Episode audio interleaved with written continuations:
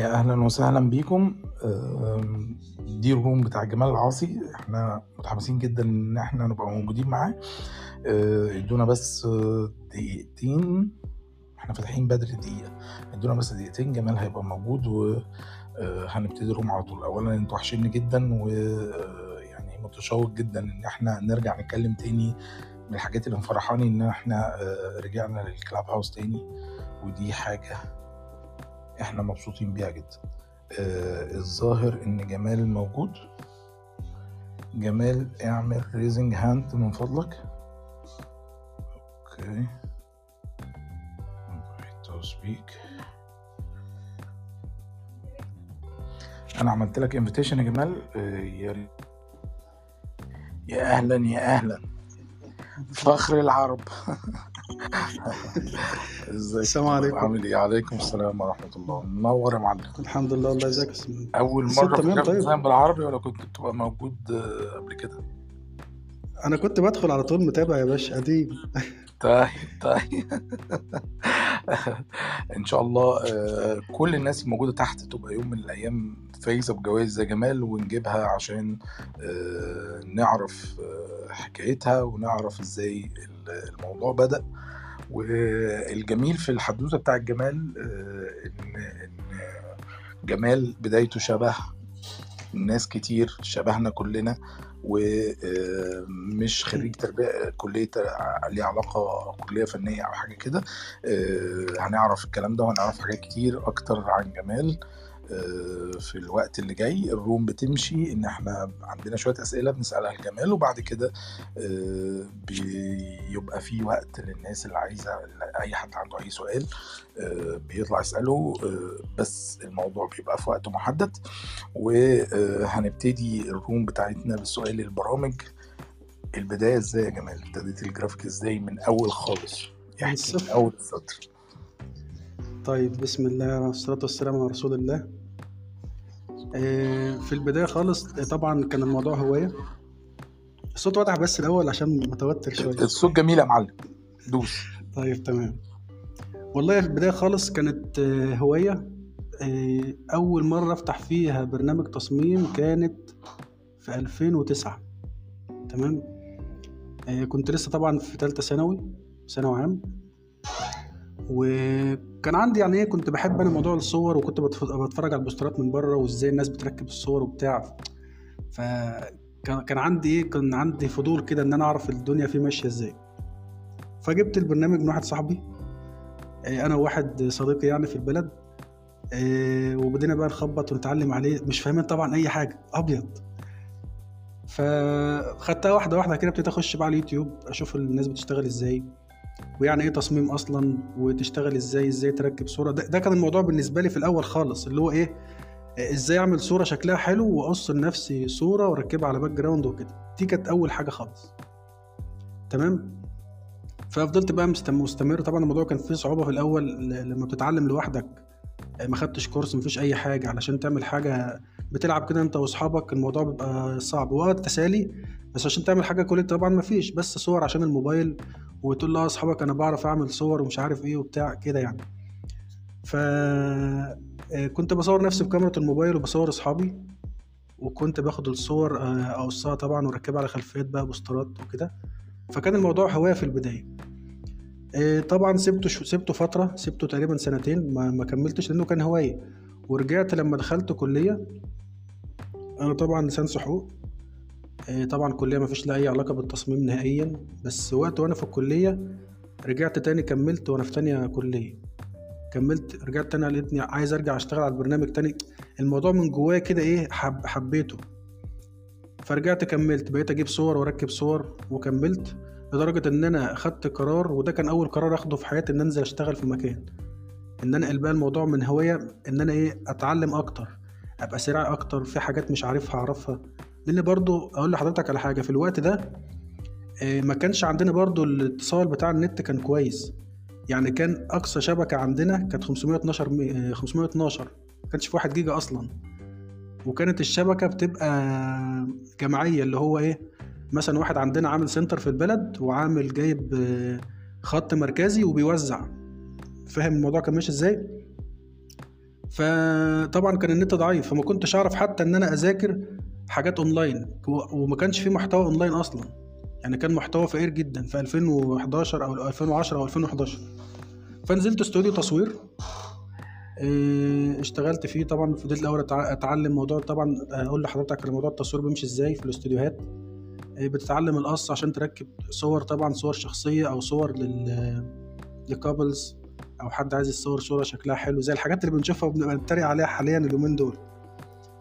مع احترامي طبعا اصحاب الاستوديوهات آه، بيعملوا شغل محترم وناس بتاكل عيش. بس هي الفكرة كلها آه، ده اللي كان متاح قدامي. وبرضه عشان ظروفي ما كنتش أعرف آه، أسافر المنصورة أو أسافر بلد تانية أروح أشتغل في شركة. كان الموضوع صعب. حتى الشركات ما كانتش قوية. يعني كان المسمى اللي موجود في المنصورة أو الثقافة اللي موجودة إن دي في وكالة وكالة تصميم. هتيجي تتعلم عشان تشتغل في الطباعة ونطبع بنرات ونطبع ورق. كان ده الدارج وده اللي موجود. لو كان في شغل كبير بقى لشركات كبيرة كان بيتعمل في القاهرة ما كانش في المنصورة في الوقت ده. ف يعني لما ممكن حضرتك تسألني تقول لي أنت ليه ما رحتش اشتغلت في شركة على طول ورحت استوديو؟ ده اللي كان متاح قدامي على حسب ظروفي وعلى قد برضه معرفتي. فقعدت في الاستوديو تقريبا سنتين فترة الكلية وكانت بالنسبة لي برضه مش شغل professional يعني آه، بشتغل وبتسلى وتصوير وكده. علشان أجيب مصاريف الكلية و- وخلاص. ما كانش برضه في هدف واضح. يعني كان موضوع إيه؟ إيه، بشتغل ومبسوط بالحاجة اللي أنا فيها. يعني دي هواية وحاببها. وبتجيب لي دخل مثلا علشان آه، أساعد أهلي إن أنا ما آخدش منهم مصاريف. أقدر أعتمد على نفسي. وفي نفس الوقت مبسوط بعمل الحاجة اللي بحبها وفي الكلية وخلاص وأموري ماشية. بس الموضوع تمام. اختلف تماما بعد الكلية. بعد الكلية طبعا دخلت الجيش. لما طلعت بقى من الجيش ودي بقى زي أي شاب مصري ساعة ما بتخلص كلية وتدخل جيش لما بتطلع من الجيش بقى يبتدي الطريق قدامك بقى أنت هتروح فين؟ خلاص مفيش عقبة قدامك. إيه، حضرتك هتقول لي طب أنت كنت حقوق ما كملتش ليه؟ آه، دي من ضمن الحاجات أنا ما ما- تقديري طبعا ما جابش. ما عرفتش إن أنا أدخل كلية تصميم مدفوعة حتى فكان ده المتاح قدامي فكملت. دخلت الكلية بحيث يبقى معايا شهادة عالية. بس آه، آه، كان معايا التصميم كنت حابه وكان في حاجات أقدر ابني عليها. كنت بشتغل Photoshop كويس و Illustrator إلى حد ما. فقلت ماشي هكمل. أشوف بقى حاجة أروح أبتدي أروح المنصورة أو أشوف وكالة. آه، معلش أنا حاسس إن أنا كده تهت معاك شوية. أنت فدي كانت آه، آه دي كانت البداية. البداية كانت كده. المحطات الأساسية. بعد كده بقى في آه في محطات تانية نبقى نتكلم فيها لو عايز بالتفصيل أيوه يعني. هي هي الفكرة بقى إن أنت يعني ابتديت. باستوديو وبعد شوية آه، آه، نزلت المنصورة عشان تشتغل في شركة. ولا بعد الجيش كان الموضوع آه، لا الموضوع؟ الموضوع جه بعد الجيش بقى. يعني آه الشركة دي بعد الجيش على طول. okay. طيب آه آه يعني إحنا لغاية دلوقتي لسه بنشتغل Photoshop وعندنا رتوش Illustrator ومش متعلمين أي حاجة تاني ولا درسنا ولا قرينا كتب ولا شفنا آه آه، حاجات. بالظبط. الأول بس أنا عايز أرحب. بالأستاذ وسيم. أستاذ وسيم طبعا. وأنا زعلان منك إن أنت ما جيتش مصر يا وسيم بصراحة. يمكن بقى أشوفك. مساء الخير جميعا مساء الخير إزيك يا حبيبي؟ عامل إيه؟ الحمد لله منورنا والله. مساء الخير جمال. طبعا أنا هي آه، رح أستغلها اولا لأني أتشكرك كثير لأنه أنا ما حسنت إنزل لمصر للأسف. حبيبي آه، حبيبي يا على كل الجهد اللي عملته أنت والفريق تبعك الرائع عن جد كان آه، أفضل خيار آه، لنا هو التعاون مع Graphic Design بالعربي ومع حضرتك.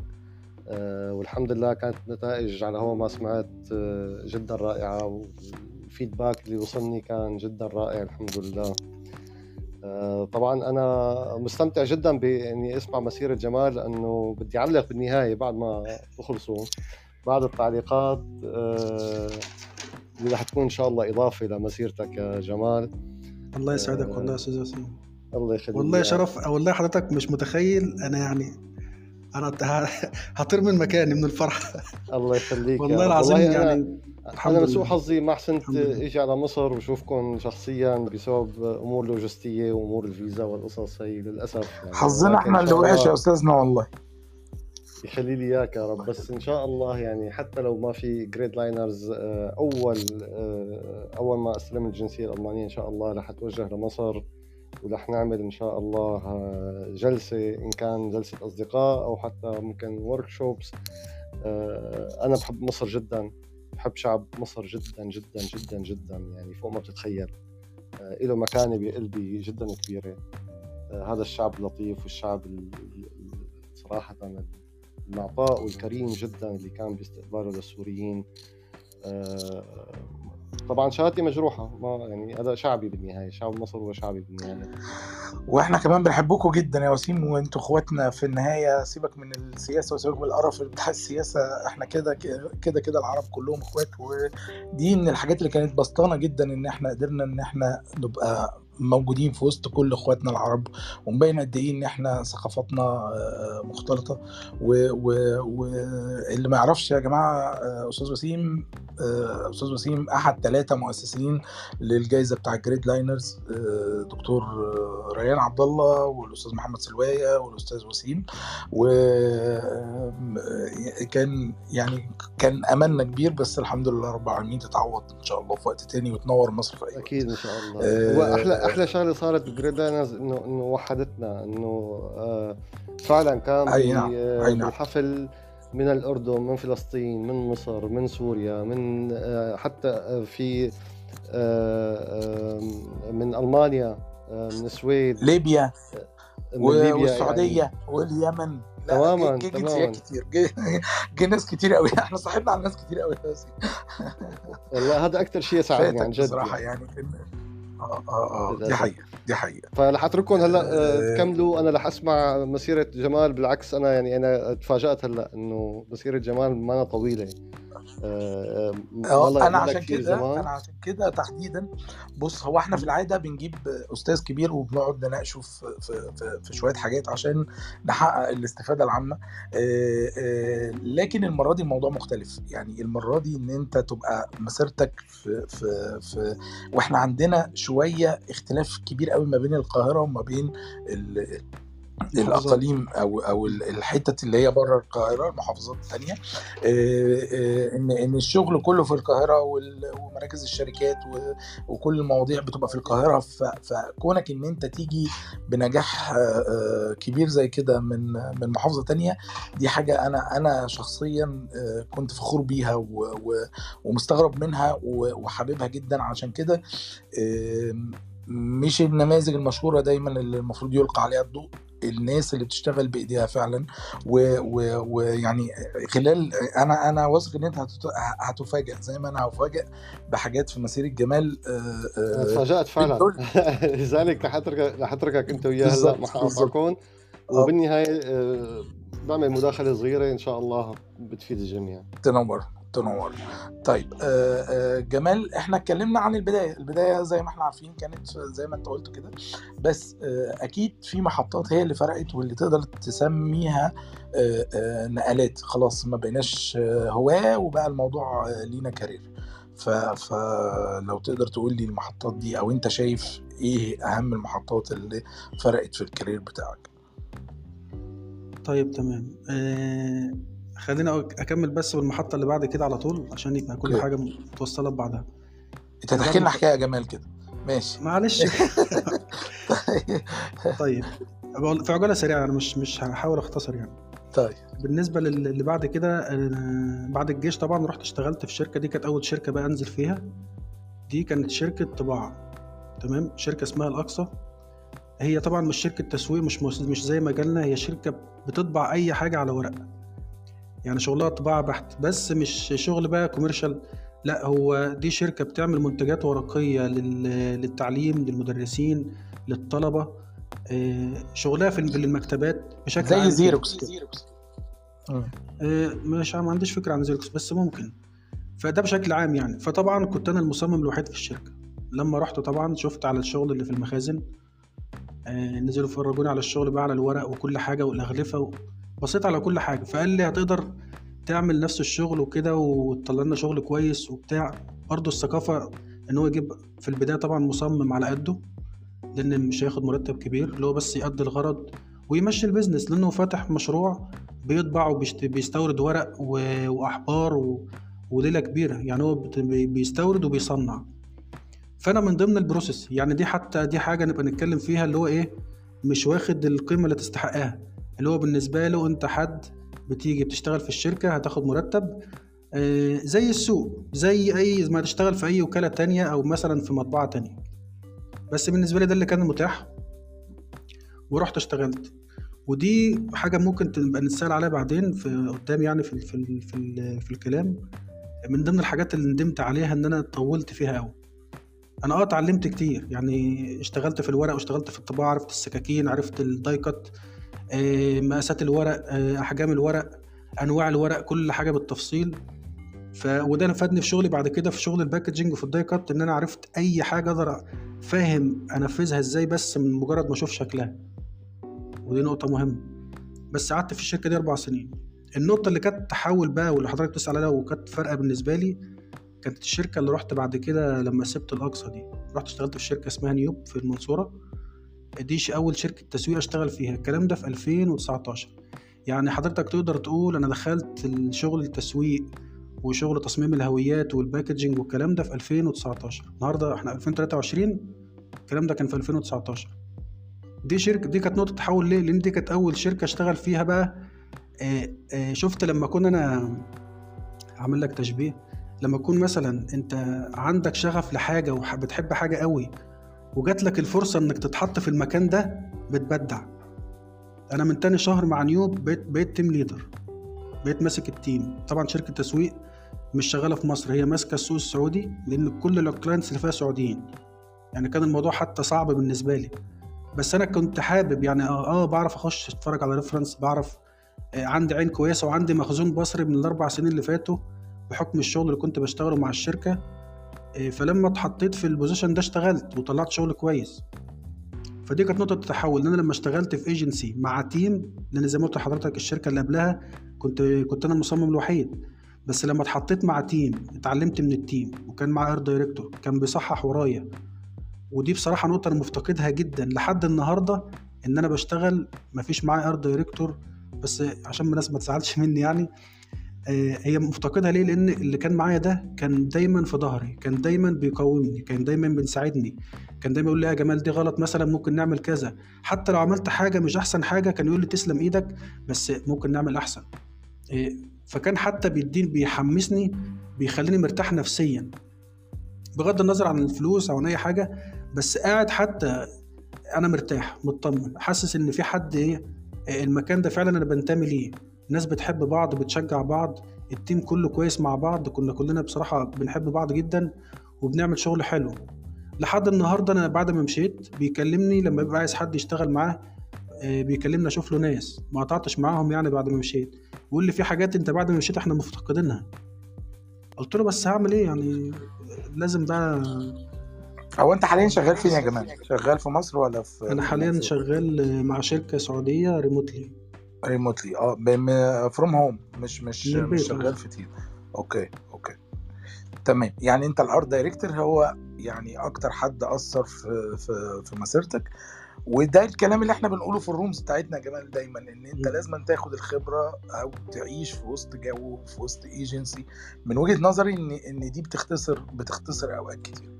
يعني جداً. يعني آه، أنت قعدت أربع سنين بتشتغل في في, في مكان ان هاوس الأربع سنين آه، آه، آه، بالنسبة لك كانوا رقم لا يذكر في وسط يعني اليوم في الإيجنسي كان كان بالنسبة لك فارق ولا أنا بتكلم كلام غلط؟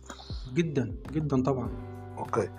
طيب قول لنا بس أنا مبدئيا أنا عايزك ت... ت... أنت نسيت تبعت لي ابعت لي الثلاثه project اللي أنت كسبت بيهم ال- الجايزة الثلاثه اللي أنت كسبت بيهم الجوائز علشان نحطهم بين في ال link عشان الناس تبص عليها.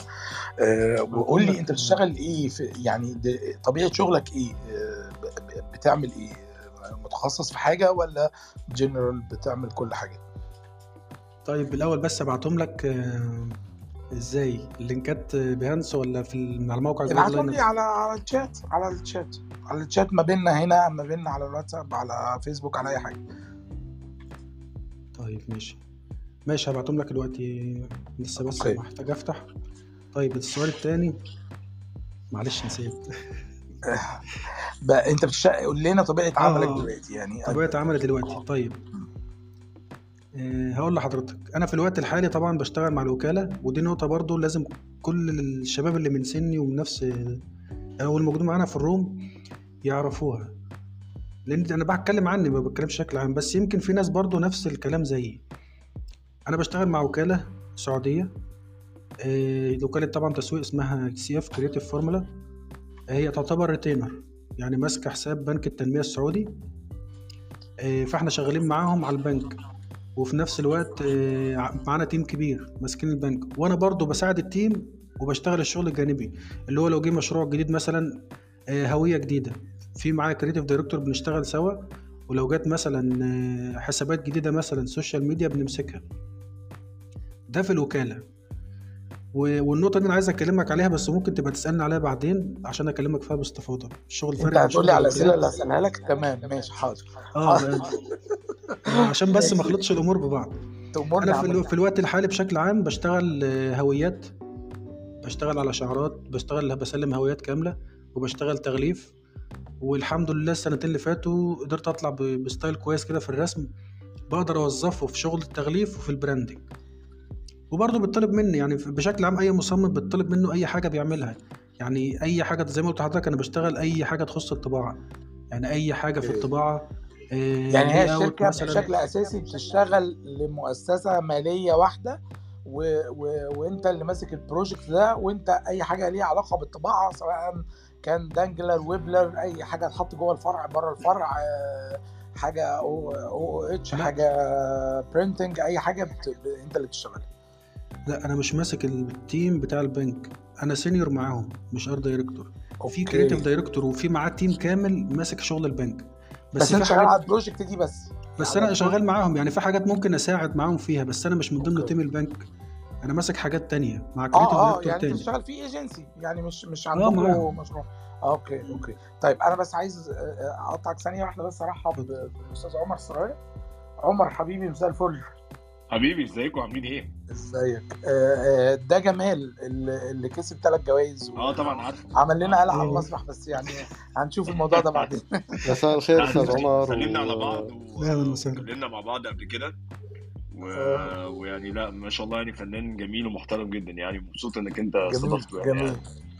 الله جميل جميل. ومعانا أستاذ وسيم ثالث أعضاء آه، المؤسسين ل Gridliners آه، ما ساعدناش الحظ بقى إن هو يكون موجود. آه، عمر يا وسيم آه، أحد متحدثين graphic design بالعربي. بالطبع بالطبع. أنا كنت حابب والله ألتقي فيه شخصيا وأتشكره آه للأسف من سوء حظي ما صار ولكن إن شاء الله أنا وعدك ووعد الجميع بزيارة لحتى أتشكركم واحد واحد بشكل شخصي وأتعرف عليكم تنورنا منكم حبيبي صراحة. حبيبي دي كانت خسارة ليا والله يا أستاذ وسيم يعني بجد كان هيبقى شرف ليا جدا والله وأنا نفسي جدا إن أنا أتعرف عليك وكنت أقابلك يعني. إن شاء الله يعني تتعود ونتقابل المرة الجاية إن شاء الله. أكيد أكيد إن شاء الله. طيب آه آه وقفنا إن أنت دلوقتي شغال على آه آه شغال في ايجنسي يا جمال آه وشغال على مشاريع كتيرة بي بي بيسوقوا فيه يعني اللي اللي ماسك الموضوع فيه creative director إيه طبيعة بقى ال brief اللي بيجي لك من ال creative director يعني إيه- آه، هل ال style اللي أنت شغال بيه ده بيبقى بناء على طلبات ولا أنت آه، بيتساب لك ال- الإتاحة في الموضوع ده؟ آه، بصراحة لأ مش في كل الأحيان. يعني أحيانا ال creative director بيبقى بيبقى مثلا دخلوا في meeting مع العميل حددوا كل حاجة وعرفوا بالظبط إيه اللي هيتعمل. وممكن ممكن إن هو يديني direction أشتغل بيه وممكن يديني brief مثلا ويخليني أطلع direction لا هو بي مثلا هو في العادة ال art director هيطلع concept وانت اللي هتطلع ال direction يعني المفروض ان ال art director يبقى في في art director في الموضوع اللي يطلع direction بس يعني أنتوا كده ما فيش ما فيش art director هو انت منك لل creative director لا مفيش معانا art director okay. وعلى فكرة الموضوع مختلف يعني لو حضرتك بتحسبها زي الشركات اللي بتشتغل process كاملة مظبوطة creative director استراتيجي بعد كده ارت دايركتور وتحت منه التيم ويشتغلوا آه. لا. ودي ما صرفتهاش إلا في أول شركة اشتغلت فيها. وكانت في المنصورة. وكانت في المنصورة. واو. واو. أنا منبهر. هي اسمها إيه الشركة دي؟ اسمها نيوب. نيوبي. نيوك آه آه. نيوب. أنا كنت فاكر إن في حد برضه اسمه بيانات. مصطفى. كان صاحبي زمان بس مش عارف بيانات ده دمياط. آه. ده طب أنا أنا بس آه، في بس معلش ال link أبعته لك إزاي؟ يعني اطلع من الموبايل وأجيبه ولا من الجهاز؟ طيب. آه، آه، روح على الفيسبوك. آه، ما تخرجش من ال room. طيب ال room مفتوح. آه روح على الفيسبوك وابعت لي رسالة من الفيسبوك. لا خلاص هنسخه واحطه في الشات صح كده؟ هنا في الشات آه ممكن. طيب تمام تمام. ماشي اتفضل. طيب آه، آه، فطبيعة المشاريع اللي انت بتشتغل عليها كان في العادة دي آه، مشاريع ليها علاقة بأي حاجة بتعمله الإيجنسي عندكم والايجنسي دي آه، واضح إن هي آه، ماسكة مشاريع كبيرة في السعودية منها بنوك طالما بتشتغل مع بنوك. تمام. طيب آه، بص يا جمال أنا شايف إن إن إن حصل نقلة كبيرة في فترة صغيرة والنقلة دي أكيد ليها سبب محدد أكتر حاجة هتفيدنا في الروم دي إن إحنا نعرف الأسباب المحددة في تكوين جمال الشخصي. يعني يعني أنت قريت إيه؟ آه، أنت قلت لي إن أنت ما درستش آه، حاجة ليها علاقة بالآرت أو حاجة شبه كده. آه، آه، فأنت درست إيه؟ أو أو أو يعني كانت الدراسات الجانبية إيه؟ يعني ابتديت تبص على إيه؟ تشوف إيه الكتب اللي أنت آه، ذاكرتها؟ إيه اللي نقل المفهوم من فكرة إن أنت بتشتغل لوكال أنت دلوقتي تعتبر بتشتغل في في يعني سيمي مالتي ناشونال يعني بتشتغل حتى لبلد غير بلدك. طيب بس لحظة. أنت كل ده بتنقل هرجع البوستات. الركن. مش عارف أدخل الركن. اتكلم يا أخي إحنا سامعينك. اتكلم معاك. طيب آه مراحل التعليم بقى عشان النقطة اللي فرقت معايا. طبعا كنت بقرأ كتب بس كنت بجيب كتب أونلاين وكنت باخد كورسات وكنت بتابع طبعا ال- الناس اللي بتعمل قنوات على اليوتيوب ومن ضمنهم طبعا أستاذ وسيم. أنا حفظت القناة بتاعته طبعا.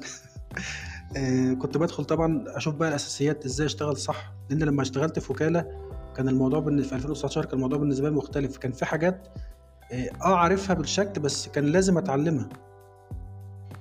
وطبعا أنا مش دارس فلازم فكنت هتعلم منين؟ فكانوا مثلا كنت بدخل أشوف كورس ممكن أشتريه أو في مثلا أدخل على اليوتيوب أشوف الناس اللي بتدرس صح ومش أي حد لأن ممكن زي ما حضرتك عارف أي حد بقى مستواه كويس ممكن يعمل قناة ويقدم محتوى ويجيب مشاهدات وكده.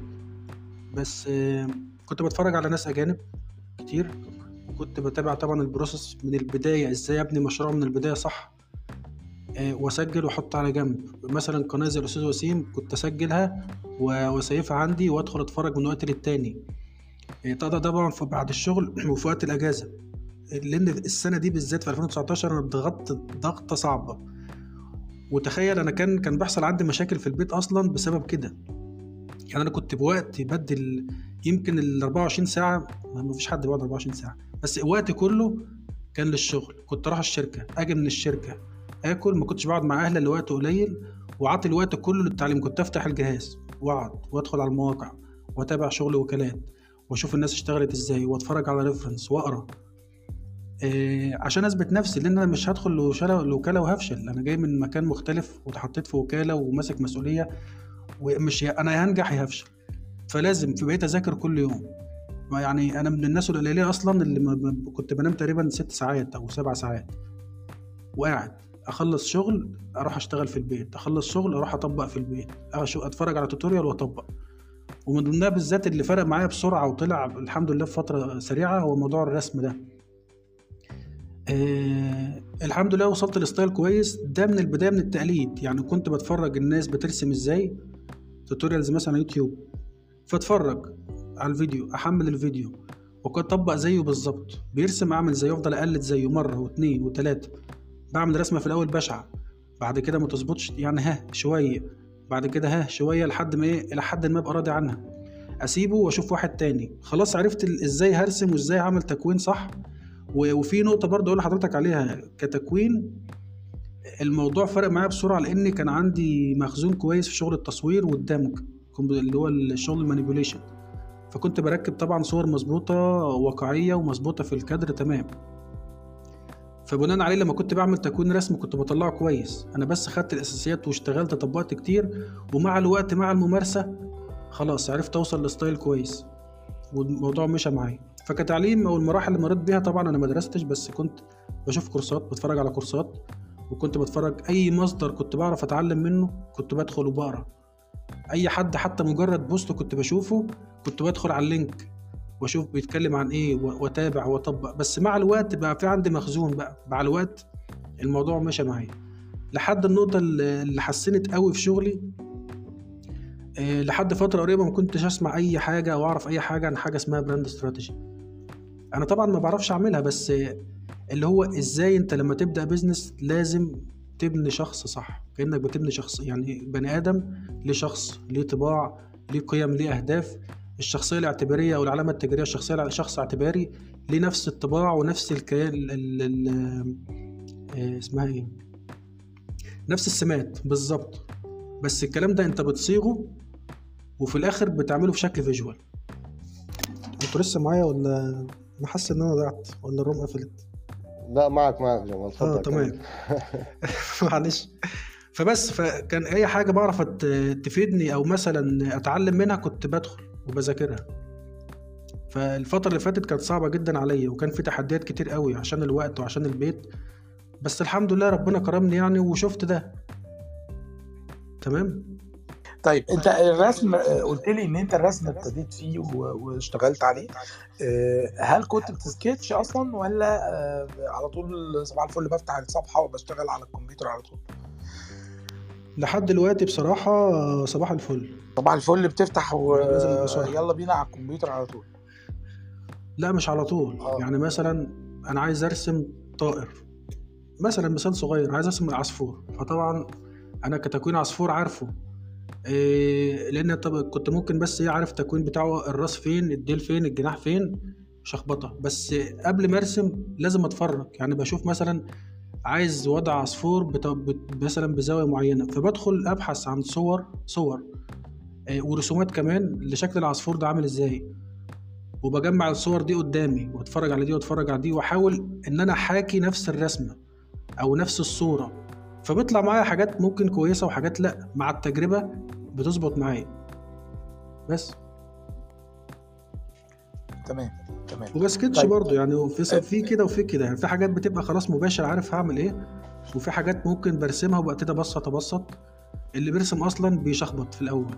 الأماكن الرأس فين الإيد فين الرجل فين وبعد كده يبتدي يحسن عليهم وبعد كده يحسن. يدي تفاصيل يدي تفاصيل لحد ما يطلع معاه التكوين النهائي. تمام. يعني أنت آه، أخدت جايزة في ال illustration وأنت مش illustrator أصلا. أنت أنت بتشتغل آه، آه، من الطبيعة وبتشتغل أصلا من التكوين. أنت عايز تعمل ما تكوين أنا برسم. بال... برسم بالتابلت حلو يعني مش لازم ورقة. مفهوم مفهوم. بص أنا مش يعني ما تاخدش كلامي إن أنا بنتقد أنا لا أنا فاهم. أنا معاك. لا لا. أنا بس يعني حابب آه، يعني أتعمق شوية نقطة- في الورك فلو طيب دي آه، نقطة ممكن نيجي ليها اللي هي ال process نفسها آه بالظبط. الورك فلو بتاع في بتاع آه كل واحد ليه طريقة. يعني في واحد بيرسم سكتش وبعد كده يسحب سكانر ويخش على البرنامج. وفي ناس دلوقتي في اللي عنده بيشتغل على tablet Wacom tablet مباشر بيرسم. وفي اللي بيشتغل Procreate مباشر. أحسن من الورقة وأحسن من آه، التابلت. ده الناس ال- الناس. ال professional بي- بي- بيشتغلوا معظمهم كده. يعني أنت لو تعرف هاني محفوظ هاني محفوظ بيشتغل كده. بالظبط. آه، آه، بيشتغل على طول على ال على ال iPad على طول مباشر. ما, ما بيسكتش على ورقة. ما ليه؟ أنا كده كده هحول vector. ف ف ف فبيخشوا كده. طيب إحنا إحنا حطينا عملنا بين ال link بتاع المشروع الأولاني اللي هو ال illustration. والمشروع التاني انت نسيت. تحطه بقى حطه لي عشان حطيت يعني 10 اتنين دقايق لسه كده لسه واحد كمان واه في 10 دقايق كده وهبين ال link التاني. آه طيب آه ده كلام رائع جدا وعظيم. آه آه انت قلت ان انت بتجيب آه شوية رسومات وشوية حاجات بت بتحطها قدامك. طيب ليه ما بتشتغلش stock ات؟ أنا بشتغل stock ات بس مش في الشغل للعملاء. يعني ال stock ات دي مثلا خلينا نتكلم على الاستوكات. الاستوكات بالنسبة لي بتبقى آه، وطبعا مفيش حد يقدر يستغنى عنها. مثلا لو هشتغل social media وفي مثلا ال calendar فيها حاجات ممكن نستعين فيها بصور stock ات أو ممكن نستعين بحاجات vector جاهزة. وده موضوع مختلف لأن في الوكالة طبعا مش هيبقى عندي الوقت الكافي. أنت أنا ملتزم بوقت وعندي deadline إيه، وما عنديش السرعة اللي أنا إيه وبرده مش كله بنفس بنفذ بنفس ال direction يعني في حاجات أنا لازم أجيب ال- ال stock ده. واوظفه واغير في ألوانه مثلا بحيث يطلع معايا شكل كويس يخدم المحتوى اللي معايا فده ده. دي حجم ال stock ات اللي هو مثلا في شغل ال social أو مثلا ممكن أجيب صور معينة مثلا أشتغلها. Okay. لكن مفيش مساحة أكبر من كده؟ يعني أنت مش بتفضل إن أنت تشتغل stock ات من البداية. ال stock ات بتبقى موجودة في حالة إن إحنا آه، مستعجلين وعندنا deadline ولازم يخلص ومش هقعد آه، لسه أفكر في تكوين يوم يومين آه، مفيش المساحة دي في في ال workflow. إنما لو في مشروع طبعا لازم تعمل له حاجة original مش هجيب له. مش ما ينفعش أجيب له stock الكلام ده بالنسبة لل illustration وال والصور ولا بتعمل ده بالنسبة لل illustration بس بالنسبة للرسم آه بالنسبة. للرسم وحاجات تانية يعني حتى شغل الهويات أنا مش مش هجيب stock جاهز أو أجيب مثلا شعار جاهز و- وأقول له اتفضل. لا ما بنيت ده على أساس إيه؟ لا شعار جاهز ده مش بتاعتنا خالص. ده ده ولا ننصح بيه أصلا. لا لا هي ال ال ده, ده دي موضوع جديد بيتعمل دلوقتي. طيب آه آه بيفضل السؤال أنت إمتى اقتنعت إن الشغل اللي أنت بتعمله ده وال workflow اللي انت بتعمله ده ينفع ينافس في في في مسابقة عالمية فيها مصممين من أنحاء العالم؟ طيب أنا بصراحة دي نقطه يعني نقطة مهمة. طب أبدأ منين؟ طيب بس عشان آه، أعرف أرتبها صح. اللي هو آه، البداية يعني؟ بداية طيب. إيه لا لا أنت إمتى اقتنعت؟ إمتى الوقت اللي اقتنعت إن أنا أقدر أنافس يعني؟ إن أنت تقدر تنافس. آه. طيب هي بصراحة الفكرة دي عندي من فترة. يعني من حتى من قبل ما أقدم في Gridliners أنا دخلت السنة اللي فاتت بالمناسبة آه، وترشحت بس ما كسبتش لأن المشروع كان غير مناسب للفئة يعني. Okay. حتى قبل Grid قبل Gridliners آه، كنت بتابع شغل المسابقات. يعني بتابع Dieline وبتابع Pent Awards وبتابع دي ان دي و A' Design Awards كنت بدخل على المشاريع اللي بتكسب وبالذات في ال packaging وكنت بدخل على الوكالات اللي بتدخل في المسابقات دي وبتفرج على شغلهم. فبشوف نفسي بقول طب أنا طبعا دي نقطة أقول لحضرتك عليها. فبقول لنفسي طب أنا مثلا آه، لو عملت project آه، ممكن أقدر أطلع quality زي دي. طبعا ده فرق. ممكن حد أي حد فينا يبص على حاجة من بره أو شفت شغل جمال أو شفت شغل أي حد قلت طب أنا أعرف أطلع نفس ال output بس لما بجرب بتبقى حاجة تانية. فكنت بتفرج بس أنا كنت أقدر. يعني في فرق بين واحد بيشوف الحاجة يقول أنا أعرف وهو ما يعرفش. ومثلا لما تشوف يبقى عندك نظرة كده أنا أقدر أطلع نفس ال quality دي. يعني أقدر أطلع لو هعمل مثلا آه، مشروع وهمي وهعمل له process كاملة وهعمل له مثلا آه، هوية خاصة بيه و mock خاص بيه حتى لو mock عادي أو 3D مثلا ونافست ممكن ياخد. ليه؟ لأنه هيبقى هينفع. لو نزل السوق أو فعلا لو مشروع حقيقي هيبقى كويس وال business هينجح. فكنت إيه كنت كان عندي الرؤية دي. وبناء عليه لما كنت بعمل مشاريع وهمية كنت ببقى عايز أعمل المشروع فعلا لو نزل مش بس مشروع وهمي concept أنزله على Behance علشان أستهدف عملاء ويجي لي شغل لأ علشان فعلا لو نزل وعميل شافه كأنه لو نزل السوق فعلا هينجح. ودي نقطة مهمة على فكرة يا أستاذ محمد لأن في طبعا. أنا أنا أقدر أنزل أملى Behance شغل أقدر أعمل هويات كتير وأجيب logo mockups mockups بالعبيط دلوقتي وأنزل شغل وهيجي لي مشاريع. بس أنا مش عايز كده. أنا عايز أنزل الحاجة يبقى فعلا تتفهم حتى لو شخص عادي لأن العميل بيبقى شخص عادي مش professional زينا. فلو دخل وقرأ concept وقرأ التحدي وحليت المشكلة إزاي إيه، طبعا ما حدش بيقول حط كل حاجة بالترتيب وحط تفاصيل شرح وكل حاجة مملة في المشروع لأ تبقى بس إيه ال overview في الأول وشرح وبعد كده بيحط المخرجات بتاعته. فكنت بقى بقول لنفسي أنا لازم أنزلها كده. عشان حتى يبقى لها قيمة ما تبقاش مجرد شكل أو حاجة شكلها حلو وخلاص فبالنسبة لموضوع المسابقات كنت بتفرج على شغل الناس وبحاول أعمل حاجة شبه كده. أنا حتى عندي أفكار بقول لنفسي أنا لو عملتها و... واتنفذت أنا ممكن أ pitch بيها. يعني ممكن أعملها بتشاية وأقدمها وهت... وهتكسب. ومت... ومش عايز أقول متأكد بس إن شاء الله تكسب وتتقبل. إيه فدي البداية. فبعد كده إيه يعني أنت اقتنعت لما لقيت شغلك آه، لما بتحب قلت أنا أقدر. لما بصيت على شغل الناس قلت أنا أقدر. يعني ممكن إن أنا إيه ألاقي نفسي وسط الناس دي بس إيه المانع؟ حتى بقولها لأصحابي بقول لهم يا ابني إيه المانع؟ أنت ما فيش حد زايد عنك عقل زيادة ولا إيد زيادة. إيه آه الناس دي زيك زيها. ال mindset يا يا بس يا التفكير. آه بس قدم حاجة فعلا حل. قدم حل يخدم. قدم حل الناس تحبه. قدم حاجة تأثر في حياة الناس بشكل مباشر أو غير مباشر. دي حقيقة. أنت قلت لي إن أنت اشتركت في في Grid Liners السنة اللي فاتت. أنا دخلت السنة اللي فاتت آه كان في مشروع آه، مشروع واحد. دي اللي كانت تجربة بصراحة. قلت إيه هجرب نفسي. طبعا فادك كنت ده ده فادك. ط- يعني يعني جالك عليه تعليقات أو أو أنت حسيت إن الموضوع فادك ب- ب- بشكل ما؟ أنا الترشيح نفسه في حد ذاته بالنسبة لي كان كان مهم قوي لأن آه، في فرق زي ما حضرتك فاهم أو لما اتكلمت آه. من شوية أيوة، وشفت أيوة. طبعا إن أنا مريت بيه. لما أجي أقدم في مسابقة وداخل فيها مصممين على مستوى الوطن العربي وناس وكالات ومصممين أقدم مني بسنين وأشطر مني كمان و- وشغل يترشح. ده بالنسبة لي انت آه يعني بقول لنفسي طب ما أنا ماشي صح أهو. طب ما أنا يجي مني أهو. حتى لو ما كسبتش بس طب ماشي أحس إن أنا إيه هثق في نفسي شوية أو أحس آه أنا هقدر. ماشي ولسه لو كملت واهتميت وحسنت وطورت نفسك واشتغلت على نقط الضعف اللي عندك في العرض أو إنك تقدر تقنع اللي قدامك بشغلك وفعلا يبقى يستاهل آه هتكسب. ليه لأ؟ وده اللي عملته خلال السنة اللي فاتت. هنيجي لده طيب يعني ال ال آه، المواضيع يا جماعة مش بتيجي صباح الخير أنا كسبت جايزة. يعني يعني أنا بس آه، آه، يمكن أنتوا تشوفوا إن أنا بسأل كمان أسئلة كتير.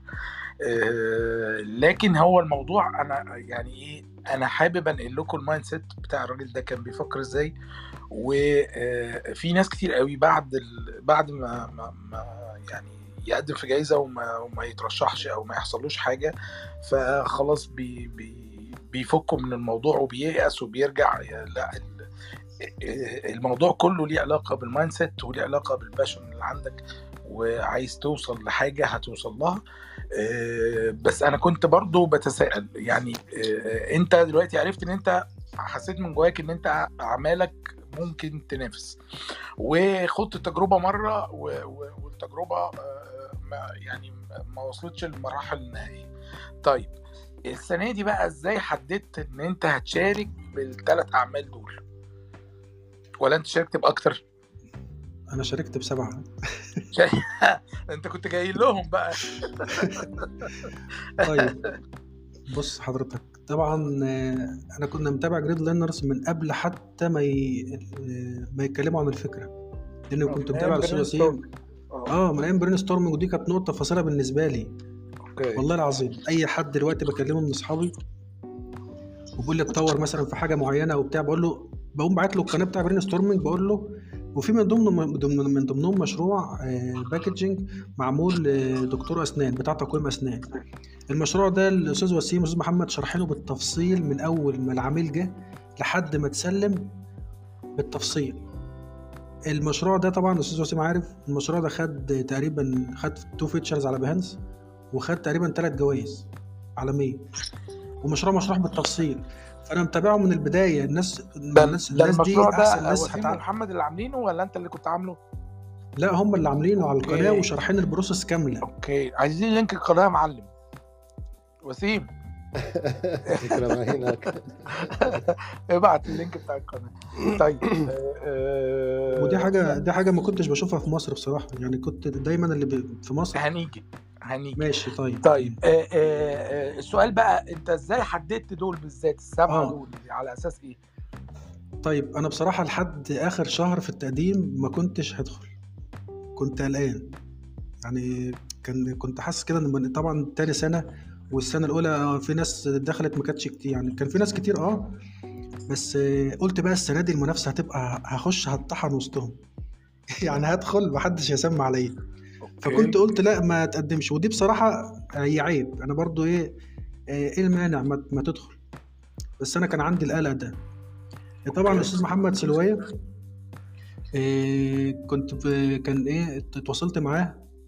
وقلت له يا أستاذ محمد أنا يعني عايز إن أنا أدخل السنة دي بس قلقان. أنت إيه رأيك؟ قال لي لا ده أنا بالعكس أنا بشوف شغلك. ووريته شغلي قال لي لا ادخل واعمالك تستحق وإن شاء الله ممكن تكسب؟ إيه المانع؟ بالعكس تشجع وقدم وحتى لو ما كسبتش إيه المانع؟ وانت هتتعلم. بصراحة طمني فقلت يلا توكلنا على الله. قمت رايح مجهز المشاريع ومقدم. دخلت تمام. هي كانت كذا شغلك العادي؟ يعني كان projects ولا ولا حاجات تخيلية؟ آه، في في مشروع مشروع مشروع كسب في ال calligraphy. ده كان concept ده كان معمول لحد فبراير آه، لأن مش كل طبعا ال calligraphy وال typography بتبقى ل clients بتبقى مثلا حاجات جمالية وفي منها بيبقى ل clients وال illustration طبعا ممكن أدخل ل client بس اللي دخلت بيهم كانوا مشاريع concept في حين إن اللي هيبقى ليه الأفضلية طبعا من وجهة نظري لما يبقى لأن في معايير للتحكيم إن هو التوظيف أو مثلا لو في حاجة بتحل مشكلة ده يبقى ليه أسبقية. فعشان كده في مشاريع طبعا خدت silver و gold أنا خدت برونز في ال illustration فقلت لنفسي ده بصراحه بصراحة بعدها لو كنت دخلت بمشاريع ال illustration حاجة أعملها مثلا لل client وحاجة فعلا تقيلة آه، كان ممكن آخد مركز أحسن. ممكن.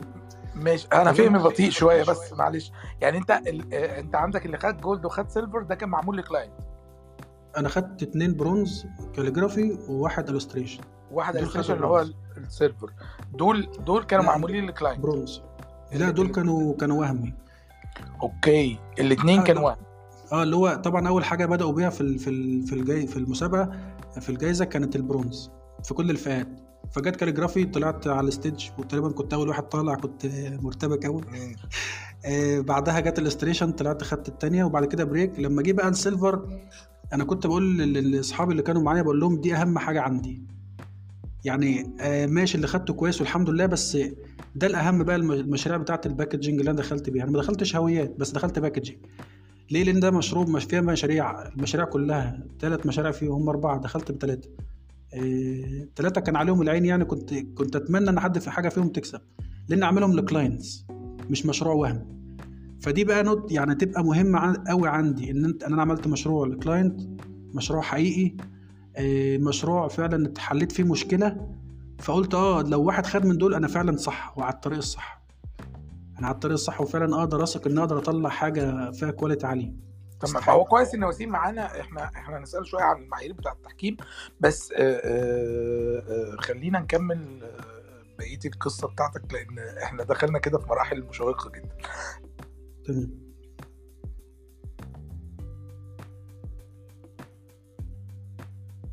في حاجة أقولها ولا ولا إيه؟ أكمل؟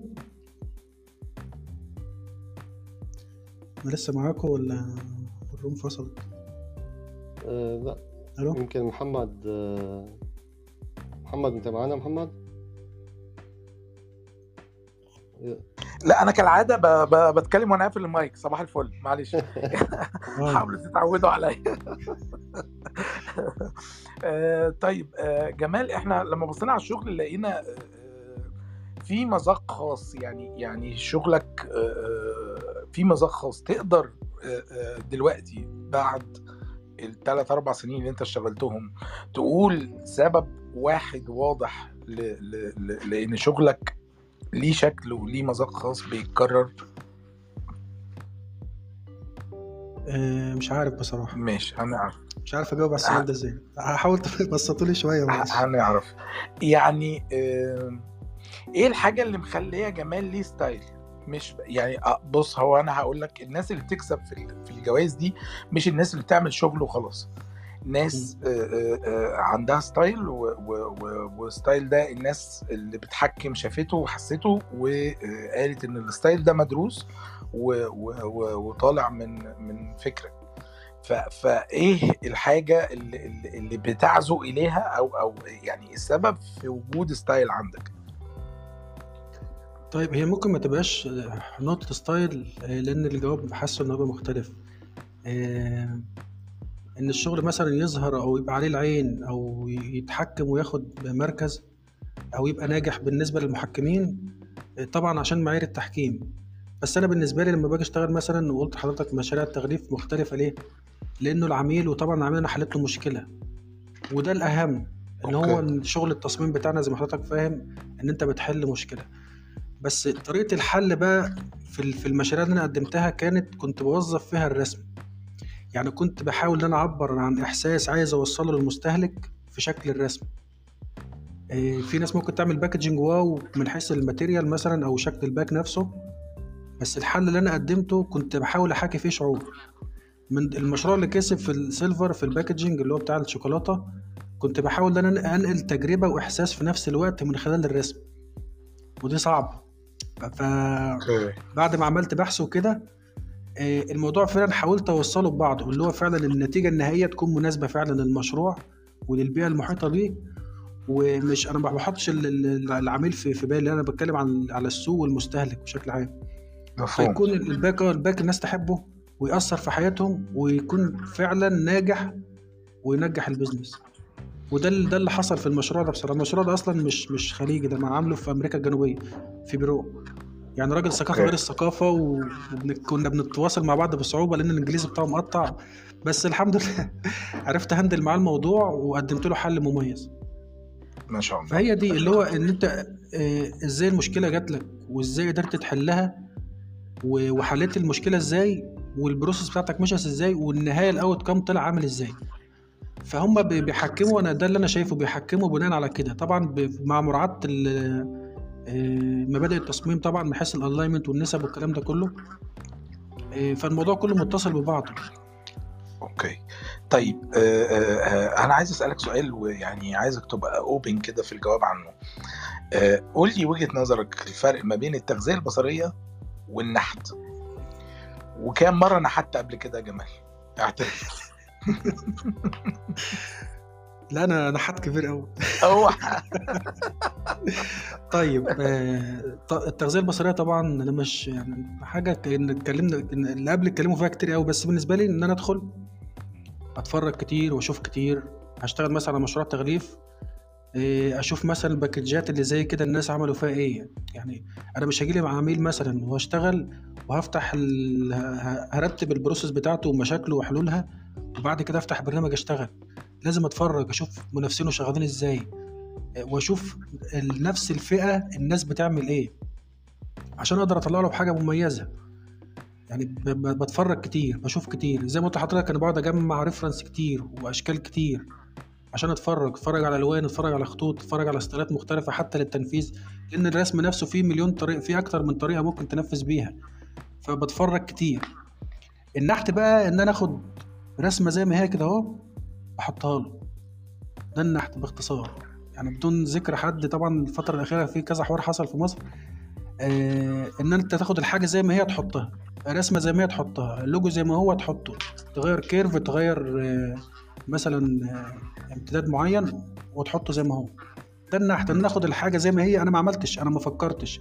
أنا ما حلتش مشكلة. أنا ما عملتش mind map أنا ما عملتش أي حاجة. أنا خدته زي ما هو وحطيته.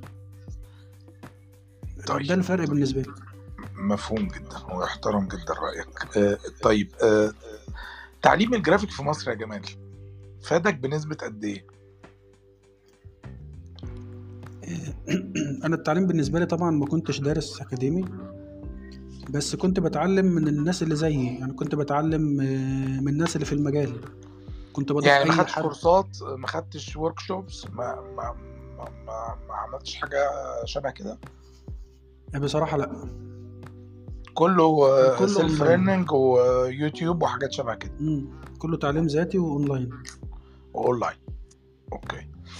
طيب آه آه في سؤال كده يعني يثير فضولي آه آه مصمم النهارده قاعد بيسمعنا. يقدر يوصل للمستوى اللي أنت وصلت له في خلال قد إيه؟ طيب يوصل في قد إيه؟ والله مش عارف. هي اصلها مش مش من ناحية الشغل نفسه. يعني دي لها علاقة بالاستعداد. بالاستعداد والظروف. يعني أنا الظروف كانت بالنسبة لي كل واحد له ظروفه الخاصة طبعا. بس على حسب الظروف اللي أنت فيها وعلى حسب البيئة اللي أنت فيها آه، لأن الحاجات دي لها لها عامل كبير وتأثير كبير. أنا بالنسبة لي كان ممكن أبدأ من بدري بس آه، ظروفي كانت بتحكمني. خطة ربنا هي أحسن خطة. أنت الخطة اللي أنت لله. مشيت بيها هي اللي وصلتك لل... للوقت الحمد ده في لله. ناس عايشة عشرات السنين وما عملتش حاجة وكل حالتها إن هي بتتكلم وخلاص. ف... فلا لا أنت ما فاتكش حاجة يا معلم. الحمد لله. لا أقول طيب. لحضرتك اللي اللي عايز مثلا يوصل نفس المستوى اللي أنا فيه. آه، أنا طبعا مش مش أحسن حد ولا حاجة ولسه قدامي طريق لسه بقول بسم الله. أكيد. فأنا شايف إنه ممكن ياخد منه مثلا آه، سنة أو سنتين. سنة أو سنتين. سنتين. آه بس لازم يشتغل في وكالة الأول.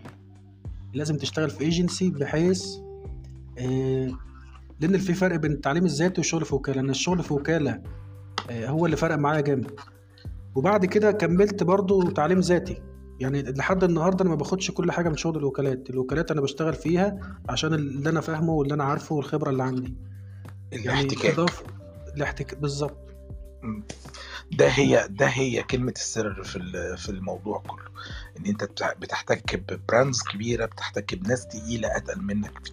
فكرة إن في حد يقول لك إن يعني هو الفرق الكبير اللي أنا بشوفه ما بين art director ومثلا senior أو أو junior إن ال art director هيقول لك فين المشكلة؟ يعني هو هو هيشوف التصميم مش هيقول لك التصميم حلو ووحش. هيقول لك المشكلة بتاعته فين.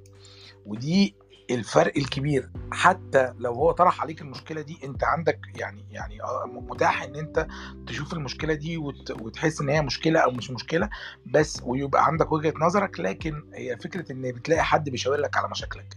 لا والله جمال أنت عندك مشكلة في ال illustration فلازم تبتدي من السكتش مثلا أو عندك مشكلة في ال shadows فاشتغل على على الكلام ده أو عندك مشكلة في في التوجيه البصري عندك مشكلة في ال composition فلما حد يقول لك أنت عندك مشكلة في كده دي فايدة كبيرة جدا مش هتحصل وأنت بتشتغل جوه الأوضة. يعني دي اللي هتسرع دي اللي هتسرع معاك ال process بالظبط. وتتعلم بسرعة رهيبة. بالظبط. طيب آه، آه، إحنا فاضل لنا ثلاث أسئلة وخلاص آه، هنبتدي بقى نفتح آه، آه، كنت عايز أسألك على أهمية ال presentation في الشغل اللي بيتقدم لمسابقة وإزاي قدرت تطور قدراتك على ال presentation في نقط. طيب طبعا ال presentation مهمة جدا ودي كانت بصراحة كانت بالنسبة لي مشكلة. لأن أنا برضو العرض عندي لحد النهارده لسه فيه مشاكل. طبعا مم. ال presentation مهمه يعني أي حد لازم يحط في باله أي مصمم أنت لما تيجي تعمل presentation دي مهمه ومن أهم المراحل في الشغل. كل اللي عملته كوم والعرض نفسه كوم تاني. أنت تعبت واشتغلت بس الأهم بقى أهم نقطة إنك تعرف تبيع. هتبيع إزاي؟ إنك تعرض الشغل صح. تظبط ال presentation صح. تعرض كل حاجة بالتفصيل وتشرح. أنا ما بعملش ده في معظم الأحيان. يعني المفروض كنت أنا في المسابقة ده اتعلمته من ضمن المشاريع اللي كانت مقدمة. وإن شاء الله هعدلها السنة الجاية يعني. مش كل ال- المشروع اللي كسب silver أنا كنت شارح فيه كل حاجة بالتفصيل. في حين إن في مشاريع تانية الناس شارحة بالتفصيل خدت gold فأنا عرفت مشكلتي. أنا عندي الشغل وعندي quality بس ما عرفتش أعرضه صح. ال presentation عندي كانت فقيرة.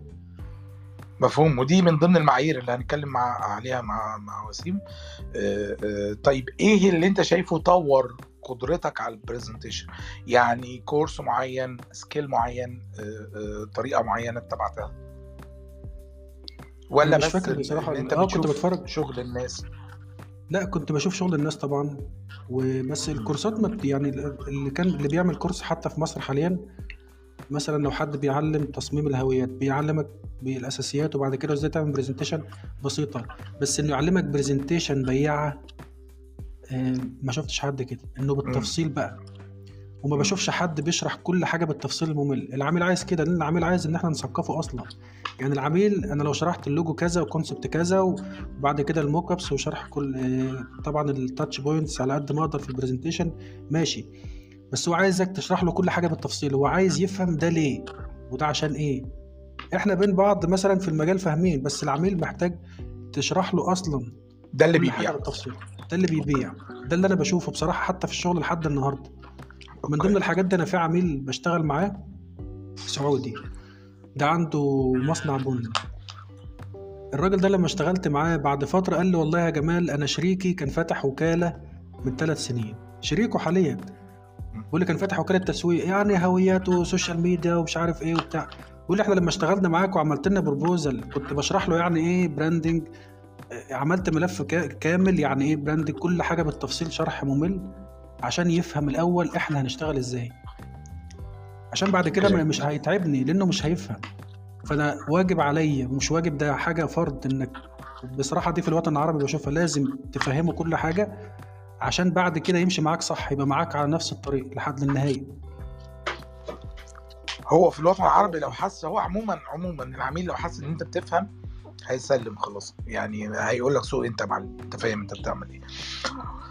طيب آه آه آه إحنا وصلنا لسؤال ال- سؤال البرامج. إيه الاخطاء اللي, اللي وقعت فيها ولو رجع بيك الزمن مش هتكررها؟ في ال career بالنسبة. بالنسبة لإيه؟ بشكل عام ولا في, في ال career معينة؟ بشكل ع- لا مش يوميات في ال career. طيب يعني أنت مثلا قلت لي إن أنت قعدت أربع سنين في, في مطبعة وده كان غلط. آه. دي كانت مم. آه، في حاجات شبه كده؟ أنا لو رجع بيا الزمن اللي كنت هعمله آه، كنت هدخل كلية تصميم. كنت هدخل لو حتى بفلوس وأدخل أتأسس اكاديمي صح من الأول من الصفر. okay. okay لأن أنت رجعت لازم بعد كده تتعلم الكلام ده. رجعت أتعلم. رجعت أتعلم تاني آه. okay. ولو ما أنزل أشتغل هنزل أشتغل في وكالة هتدرب من غير فلوس. هتدرب بس okay. أتعلم أشتغل بنقول كده بنقول كده والله ومحدش فاهم يا. طيب. طب آه، آه، آه، بم- بمناسبة اللي أنت في حاجة تانية عايز تضيفها؟ في الحاجات الأخطاء؟ لا بس هو زي ما قلت لحضرتك أنا لو اتاسست صح تمام. ودارس ونزلت. خدت خبرة في الوكالة هتعلم بسرعة. وكل حاجة بتيجي بقى مع الوقت يعني ال... كل حاجة تمشي صح يعني. هتبقى ماشيه. صح من البداية غير لما بديت بداية وبعد كده رجعت اصحح الأخطاء دي. فهيضيع عليا وقت كتير. دي فكان حقيقة. زمان اختصرت الوقت ده بس الحمد لله يعني. دي حقيقة. طيب آه، في حاجات بقى عملتها شايف إن هي مش أخطاء لأ دي حاجات كويسة. فكان آه، آه، آه، إذا كنت عرفت ده من بدري كنت ابتديت من بدري في حاجات زي كده. يعني الحاجات اللي لو رجع بيك الزمن هتكررها مرة أو الباترن اللي حصل فهتكرره مرات كتير عشان تتطور. لا هي مش مش هكلمك في حاجات مخص محددة بشكل عام. أنا لو رجع بيا الزمن الحاجات الصح اللي كنت هي الصح ولا الغلط؟ معلش الصح. الصح. الحاجات الصح اللي كنت عاملها آه، دي توصلنا لنقطة أنا عايز أقولها اللي هو حتة أنت تعرف أنت عايز تروح فين.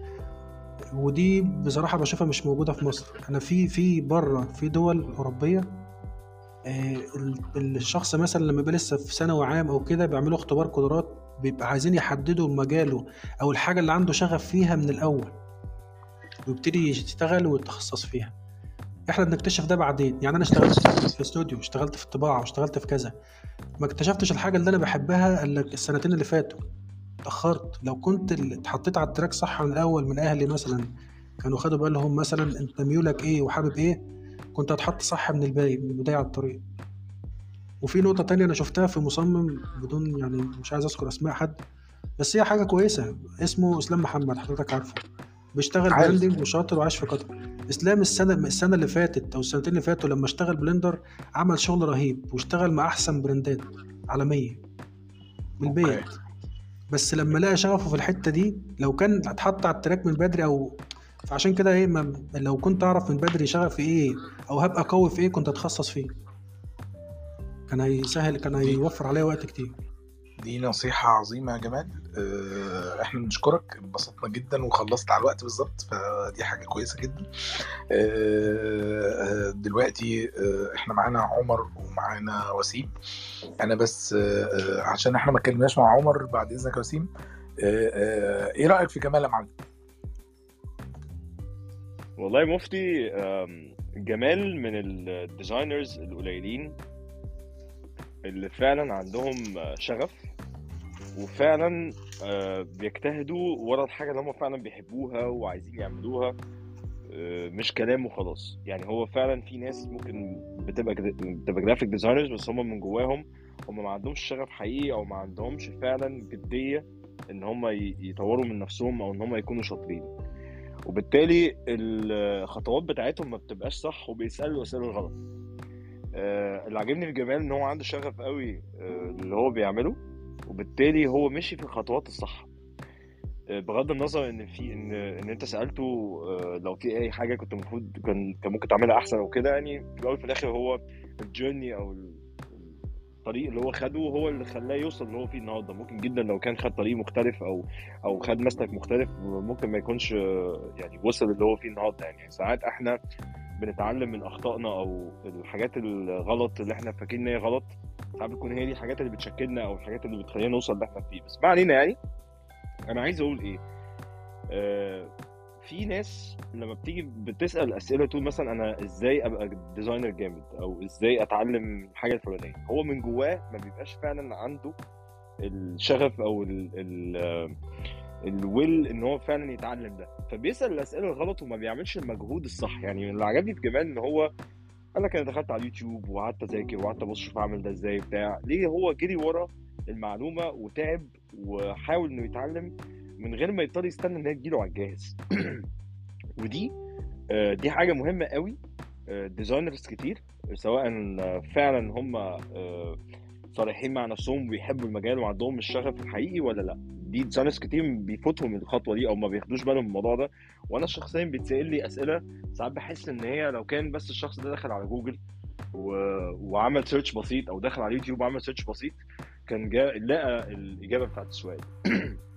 من الآخر كده يا مفتي الموضوع بالظبط عامل زي الناس اللي بتحاول إن هي تخس. في النوع الأولاني آه، بيدور على الفات بيرنر وبيدور على آه، الجيم اللي جنب البيت قوي. وبيدور على خمسة أصحابه يروح معاهم. بيفضل يعقد الموضوع آه، وما بياخدش أي حركة أو أي خطوة. نتيجة إن هو بيحاول يسهل الموضوع على قد ما يقدر عشان ما عندوش شغف حقيقي. فبيحاول يشوف إيه ال- إيه إيه اللي يقدر يعمله من عوامل حواليه بحيث إن الموضوع يبقى سهل ومبلوع. وكأنه حاجة هو أصلا مش نفسه يعني مش مش نفسه يعملها لا أو حاجة عايز يبلعها لنفسه بالعافية. فبيحاول يعني يهيئ الظروف السهلة اللي يعرف يبلعها. لكن ال designer أو الشخص اللي عنده شغف نحو يعني نحو الحاجة لا ده تلاقيه ممكن ياخد مشوار بقى ساعتين عشان يروح المكان اللي هو عايزه. ممكن تلاقيه مشترك في الجيم أصلا بعيد عن بيته جدا. آه، ما بيدورش على ال fat burn لا هو من دلوقتي بيحافظ على صحته ك nutrition ك diet ككل حاجة بيقوم بالخطوات الصح من غير حتى ما يستنى. آخر حاجة بيسألها هو إنه مثلا واحد إزاي يخس؟ هو خلاص هو بيخش يعمل search بسيط ما بيقعدش يستنى لحد ما يوصل لأحسن دكتور diet في العالم هو اللي يقول له إزاي تعمل إيه وما يبقاش خد أي خطوة. فهو من الآخر جمال هو النوع اللي هو إيه أنا هخش وهتعلم ومش هستنى ومش يعني ومش مش هكسل و- والمعلومات كلها موجودة طالما دي حاجة أنا بحبها ومجتهد وعايز أكبر فيها يبقى أنا هعمل ده وهتعب وهجري ورا المعلومة. آه، مش من نوع ال designers اللي هو النوع اللي أنا اتكلمت عليه اللي هو يعني بيحاول يبلع المجال بتاعه بالعافية وبالتالي ما عندوش ال... ما بيعملش الخطوات الصح في ده وبيسأل دايما أسئلة غلط بي- بيدور على المعلومة الجاهزة تيجي لحد عنده بيدور على كل حاجة جاهزة تيجي لحد عنده. فدي أكتر حاجة عجباني فيه وهو definitely بالطريقة دي هو هيكبر أكتر وهيوصل أكتر وهيبقى شاطر جدا في اللي هو بيعمله. هو already شاطر ما شاء الله يعني بس قصدي أقول إن هو كمان في المستقبل هيبقى حاجة أكبر كمان.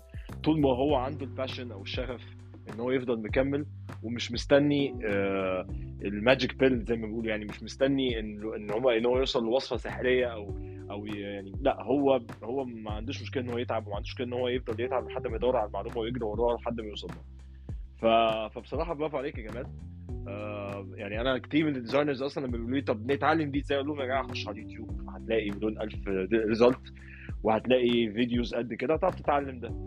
آه، ببقى عارف إن الناس لما بتسأل الأسئلة دي كتير بيبقى الناس دي هي للأسف الناس اللي بتسأل الاسئله الغلط اللي هي ما عندهاش الشغف الحقيقي ولا كانت هي من نفسها دورت ودخلت وعملت ويبقى ساعتها السؤال يبقى يبقى مش حاجة أنت already دورت وسألت لأ أنت يعني يبقى يبقى السؤال كان نتيجة إنك أنت لا أنت دورت وعملت اللي عليك وبعد كده عندك أسئلة. مش إن أنت أصلا ما عملتش المجهود بس عايز تسأل من الأول عشان عايزها تتقشر لك على الجاهز يعني. بس فهو جمال من الناس اللي هو لأ أنا هتعب عادي وأجري ورا المعلومة مش لازم تجي, تجي لي متقشره على الجاهز. فدي حاجة في حد ذاتها عظيمة جدا يعني. فبرافو عليك يا جمال. والأجمل كمان إن هو مش في القاهرة يا عمر. يعني كل ده آه. وكان في المنصورة. يعني دي حاجة آه، يعني أنا كنت مبسوط بيه وفخور بيه آه، قبل قبل الروم. آه. بص جم- جمال دليل على إنه if there's a will there's a way من الآخر. بالظبط بالظبط. يعني لو في لو في إرادة بجد إنك أنت تحقق حاجة أو إنك تعمل حاجة دايما هتلاقي طريقة وهتلاقي وسيلة إنك تعملها. آه ف وحتى هو بيتكلم بيقول لك إن أنا لما لقيت ناس تانية وصلت وعملت وأنا لقيت قلت طب أنا كمان أهو ما أنا ما أنا يجي مني أهو ما أنا كويس أهو. فده حد عنده إرادة حد عنده إرادة إن هو يوصل وشايف إن هو طب why not وهو وهو عنده إيمان بده. فهو الفكرة ان برضه من المشاكل اللي بتصيب designers كتير هم إن هم يخلقوا obstacles يعني هم يحطوا قدامهم كل العواقب ال- آه، اللي اسمها إيه؟ اللي مش العواقب اسمها إيه؟ ال- الحواجز يعني ال- ال- اللي تعطلهم أو تمنعهم إن هم يتعلموا. هم اللي بيحطوها by the يعني هم الحواجز دي مش موجودة بس هم اللي بيحطوها. وطبعا أكبر حاجز يحطوه هو عدم إيمانهم بنفسهم أو عدم إيمانهم إن هم ممكن يقدروا وممكن يعملوا. بس أنا دايما أقول للناس إنه أنت حرفيا عندك القدرة إن أنت تكون آه، أحسن designer في الدنيا. يعني أنت عندك القدرة إنك تعمل اللي أنت عايزه. السؤال مش إن أنت تقدر أو ما تقدرش السؤال أنت آه، مدى آه، إرادتك أو مدى شغفك ناحية الحاجة دي واصل لحد فين. وهو ده يعني ده السؤال الصح. وإيه إيه المجهود وإيه إيه الخطوات اللي هتعملها عشان توصل لده؟ وقد إيه أنت تعبت عشان تعمل ده؟ بس. لا وهو كمان في حاجة تانية. هو بيسأل السؤال الصح للناس الصح. يعني هو راح شاف آه، آه، الناس متخصصة وسألهم نفس الأسئلة الصح. حتى لو الكلام ده ما كانش بطريقة مباشرة كان الكلام ده عن طريق إن هو شاف فيديوهات أو حاجة. طيب آه، أنا عايز أسأل وسيم وتغششنا بقى. يعني بما إنك معانا هنستغلك. هو إيه المعايير اللي بيتم عليها الاختيار في في في جائزة Gridliners؟ مساء الخير جميعا مرة ثانية شكرا أستاذ عمر على آه، كلامك الرائع جدا. يعني أنا كنت محضر notes ومسجل نقاط من اللي عم بيحكيهم جمال. وفعلا من اللي من ال notes اللي كنت مسجلها آه، طبعا اللي حكيتها هلأ حضرتك.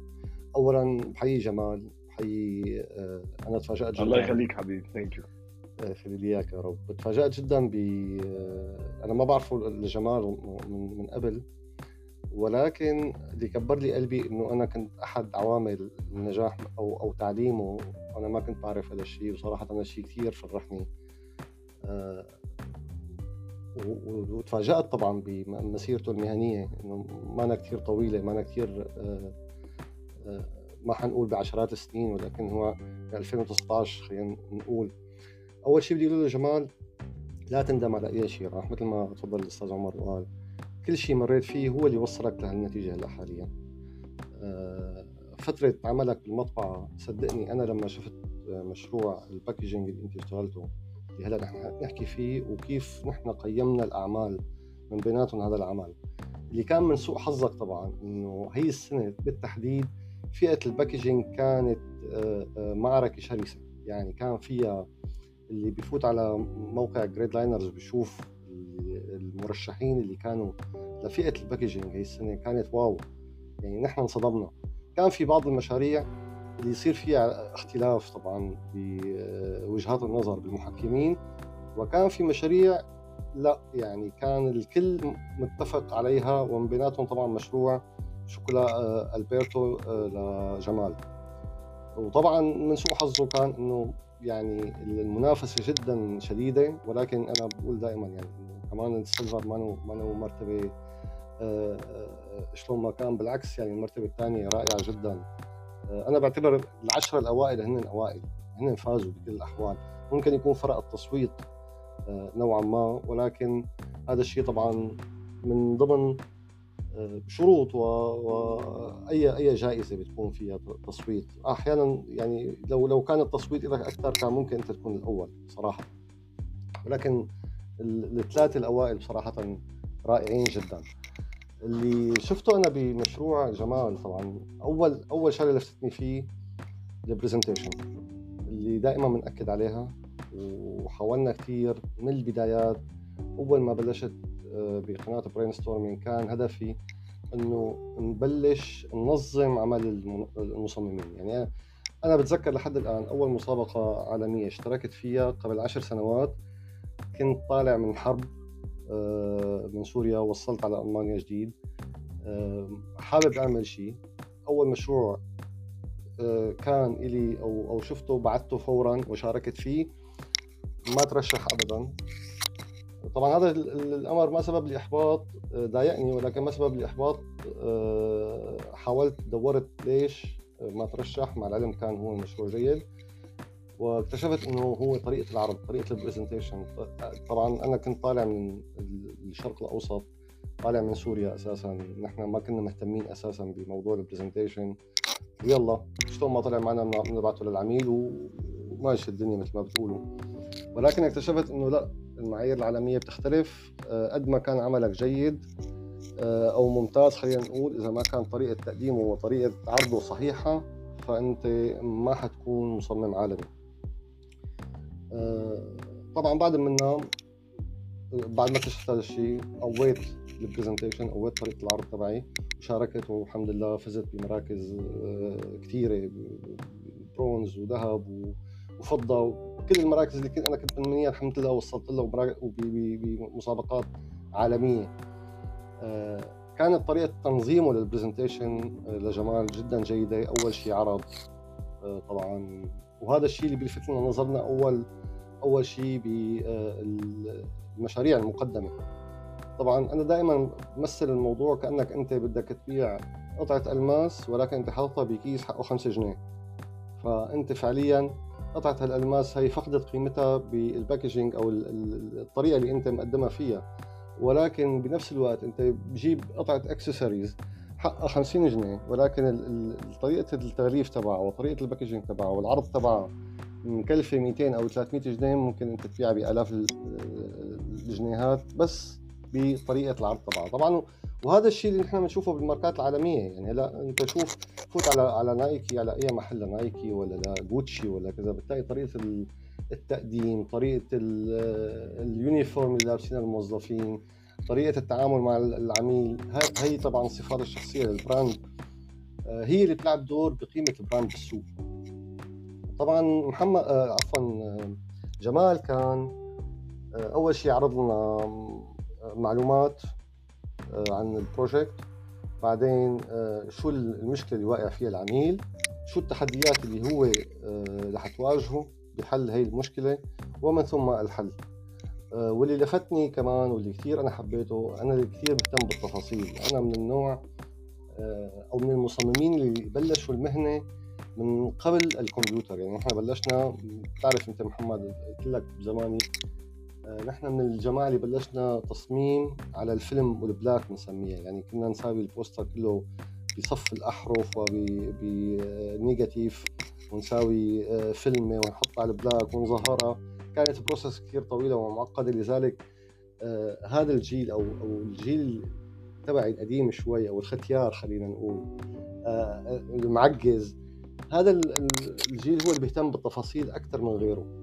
آه للأسف هلأ الجيل الحالي معتمد على السرعه خلاص بيفتح البرنامج ويلا ويبلش يشتغل بينسى كثير تفاصيل وبيتناسى كثير تفاصيل. هي دائما التفاصيل هي هي تكون سبب نقلته من مصمم عادي لمصمم محترف.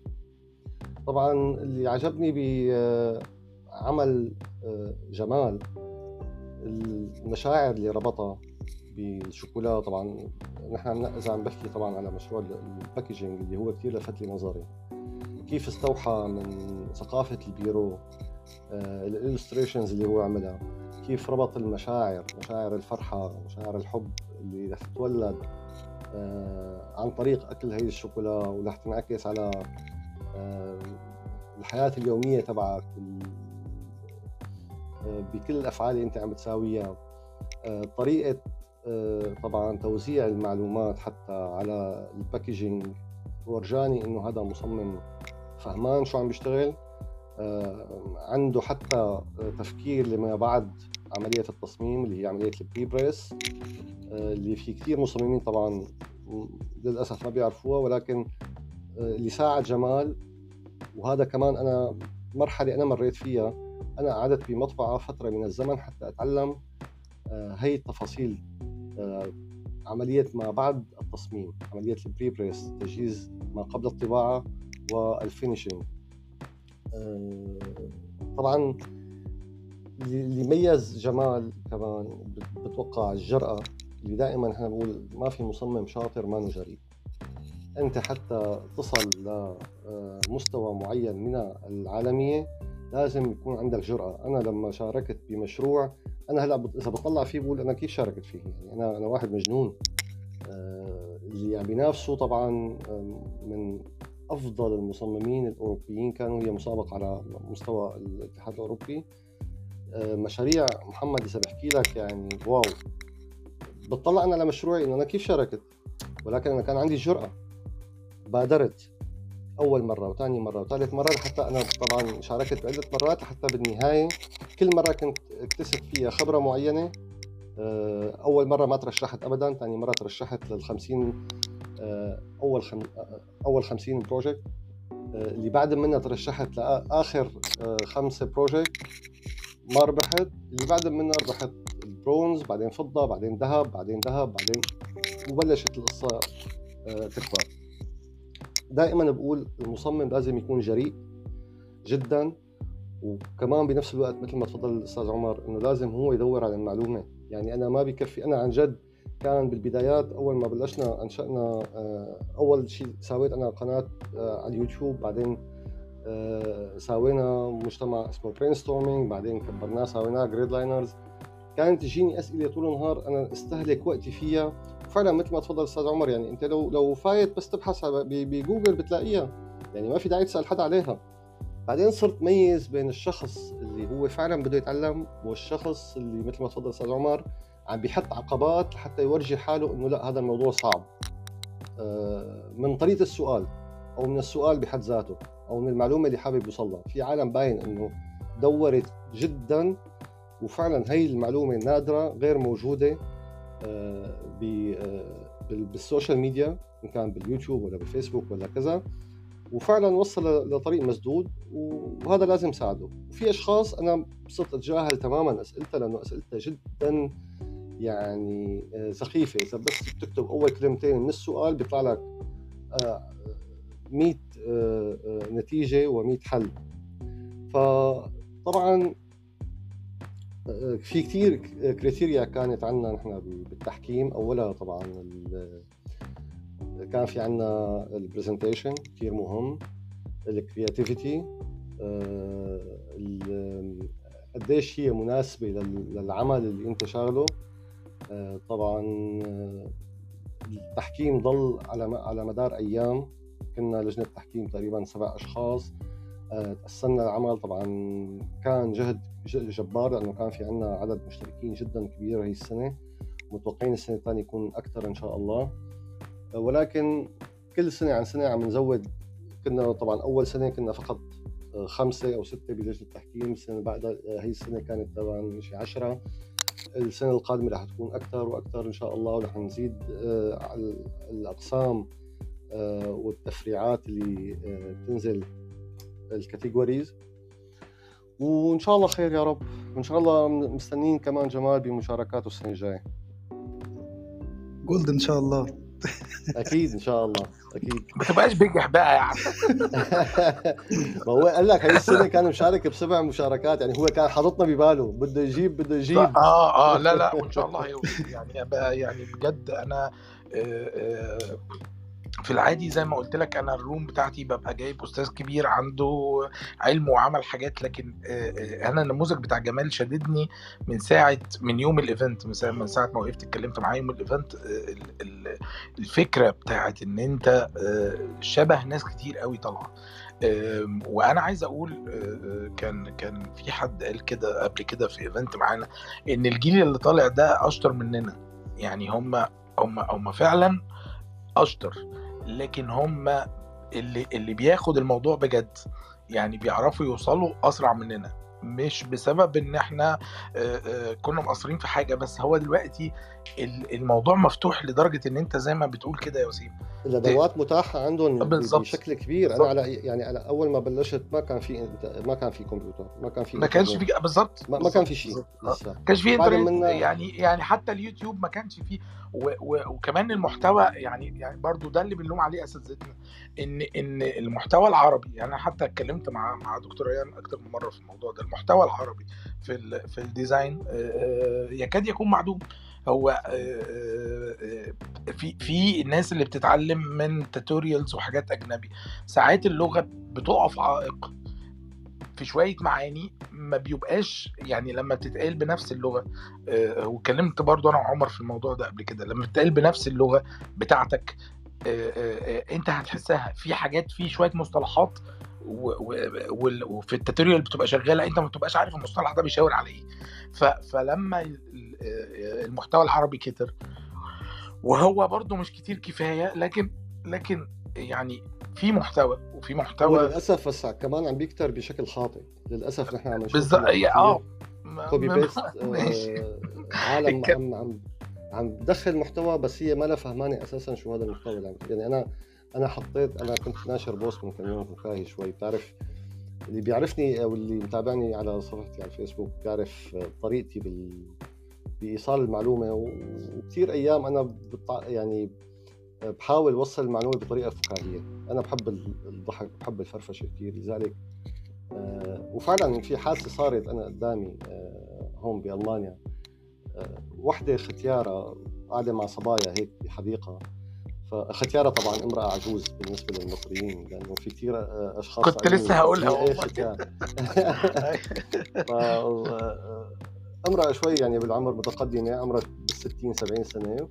والصبايا حابين يفتحوا معها حديث فسألوها إنه آه، خالي انت فستانك كثير حلو من وين اشتريتيه؟ فهي الختيارة حبت هيك شوي تتفاخر وحبت تورجيها إنه إنه ثيابها ماركات ثقيله فصارت تتذكر بأسماء مشهورة هي عم تسمعها من جيل الشباب. وآخر شيء هيك لفت رجل على رجل وبكل ثقة. عم تقول بصراحة أنا والله ثيابي كلها من عند ماكدونالدز. وطبعا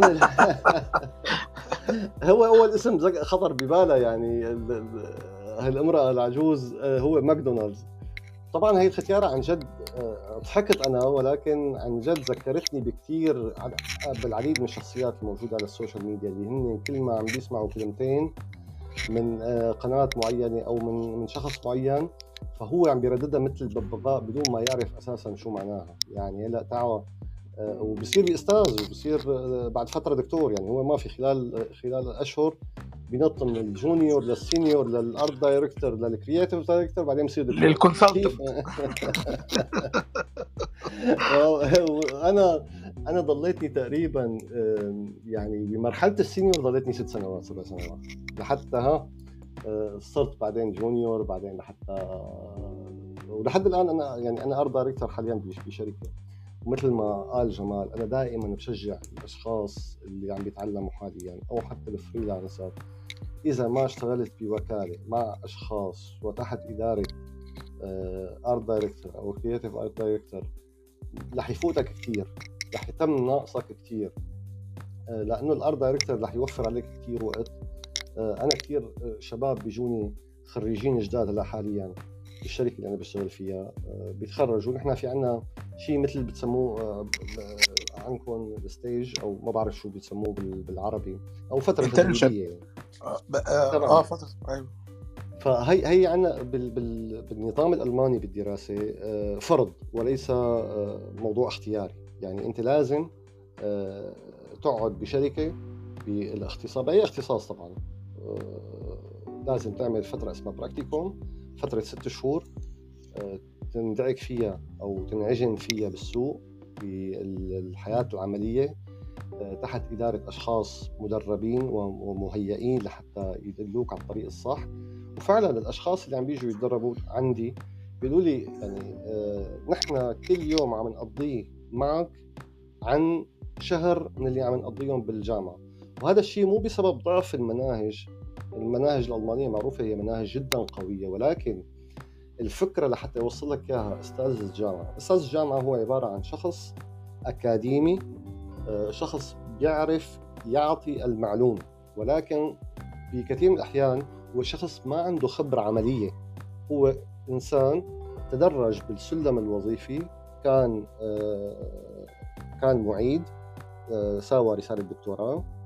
بعد منها توظف بالجامعة كأستاذ يعني هو أساسا مختص بالمجال التعليمي بمجال الجرافيك ولكن هو ما عنده خبرة عملية على على أرض الواقع. قليل جدا اللي بتلاقي عندهم خبرة لأنه ما عنده وقت. يعني هو دوب وقته كلياته بالتدريس آه، وبالتحضير وبالامتحانات وبالكذا فما عنده وقت أساسا يقعد يشتغل شغل جانبي.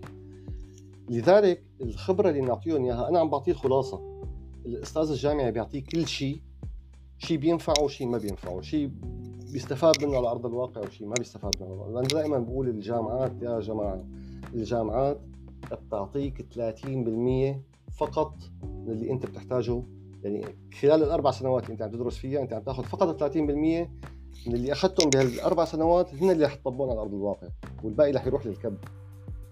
بينما لما تكون أنت عم تشتغل تحت إيد art director عم بيعطيك الزبدة عم بيعطيك الشيء المفيد اللي رح يوصلك آه، يوفر عليك مراحل كثير وهذا الشيء طبعا اللي حاولنا أنا ومحمد آه، سلوايا بقناة برين ستورمينج بالبدايات إنه نشرح ال process نشرح العمليات هي اللي عم تأخذ أساسا وقت كبير واللي ما موجودة. يعني أول ما بلشنا نحن بلشنا ب آه، من اسم القناة برين ستورمينج من عملية العصف الذهني عملية ال brainstorming اللي كان أساسا كثير أشخاص ما بيعرفوا شو شو هي شو معناتها شو بنساوي فيها. عملية ال sketching عملية ال mind map كيف نعمل آه، آه، آه، مخطط ذهني للأفكار تبعنا كيف نحن من نبتكر الأفكار كيف أنا طبعا لساتي لهلأ من الجيل القديم اللي بحب يشتغل على الورق والقلم. يعني أنا طبعا مثل ما ما تفضلتوا قبل شوي وحكيتوا كل شخص في له أسلوب له style له كذا. أنا لحد الآن من النوع اللي بحب أعمل سكتشات كثير على الورق لأنه هي أساس عملية العصف الذهني. إنك أنت تستحضر أكبر كم من المعلومات باقصر زمن وهذا الشيء عم بيولد عندك بيخلي عندك مجال ال creativity بيقوى آه، استحضار الأفكار الجديدة لأي مشروع بصير عندك بغزارة. بينما إنك تفتح انت دغري آه، ال artboard على ال Illustrator مثلا ودائما المساحة البيضاء بتخوف. فلذلك لما تكون أنت مستحضر الأفكار على على ورقه بتلاقي في عندك أنت شيء تبلش منه. ما عاد في عندك الرهبة من المساحة الفاضية. بس مدارس يعني في ناس بتنجح. طبعا طبعا. طبعا آه هايل هايل يا وسيم. آه إحنا إحنا اسئلتنا خلصت ووقتنا قرب يخلص فلو في حد من الشباب عنده أي سؤال للأساتذة أو آه لجمال آه، يشرفنا. كان في حد اسمه إسماعيل تحت رافع إيده أنا حاولت أطلعه ما ما ينفعش. فعندنا مجال للأسئلة. لو حد عايز يطلع يسأل اتفضل. أنا حابب بس وجه آه، رسالة آه آه طبعا طبعا طبعا. آه أنا معجب جدا بالهويه البصرية وبالبراند الخاص بالجامعة الكندية بمصر. الله. طبعا عمل الله أنت كده جيت في واحد صح عمل رائع. حبيبي والله.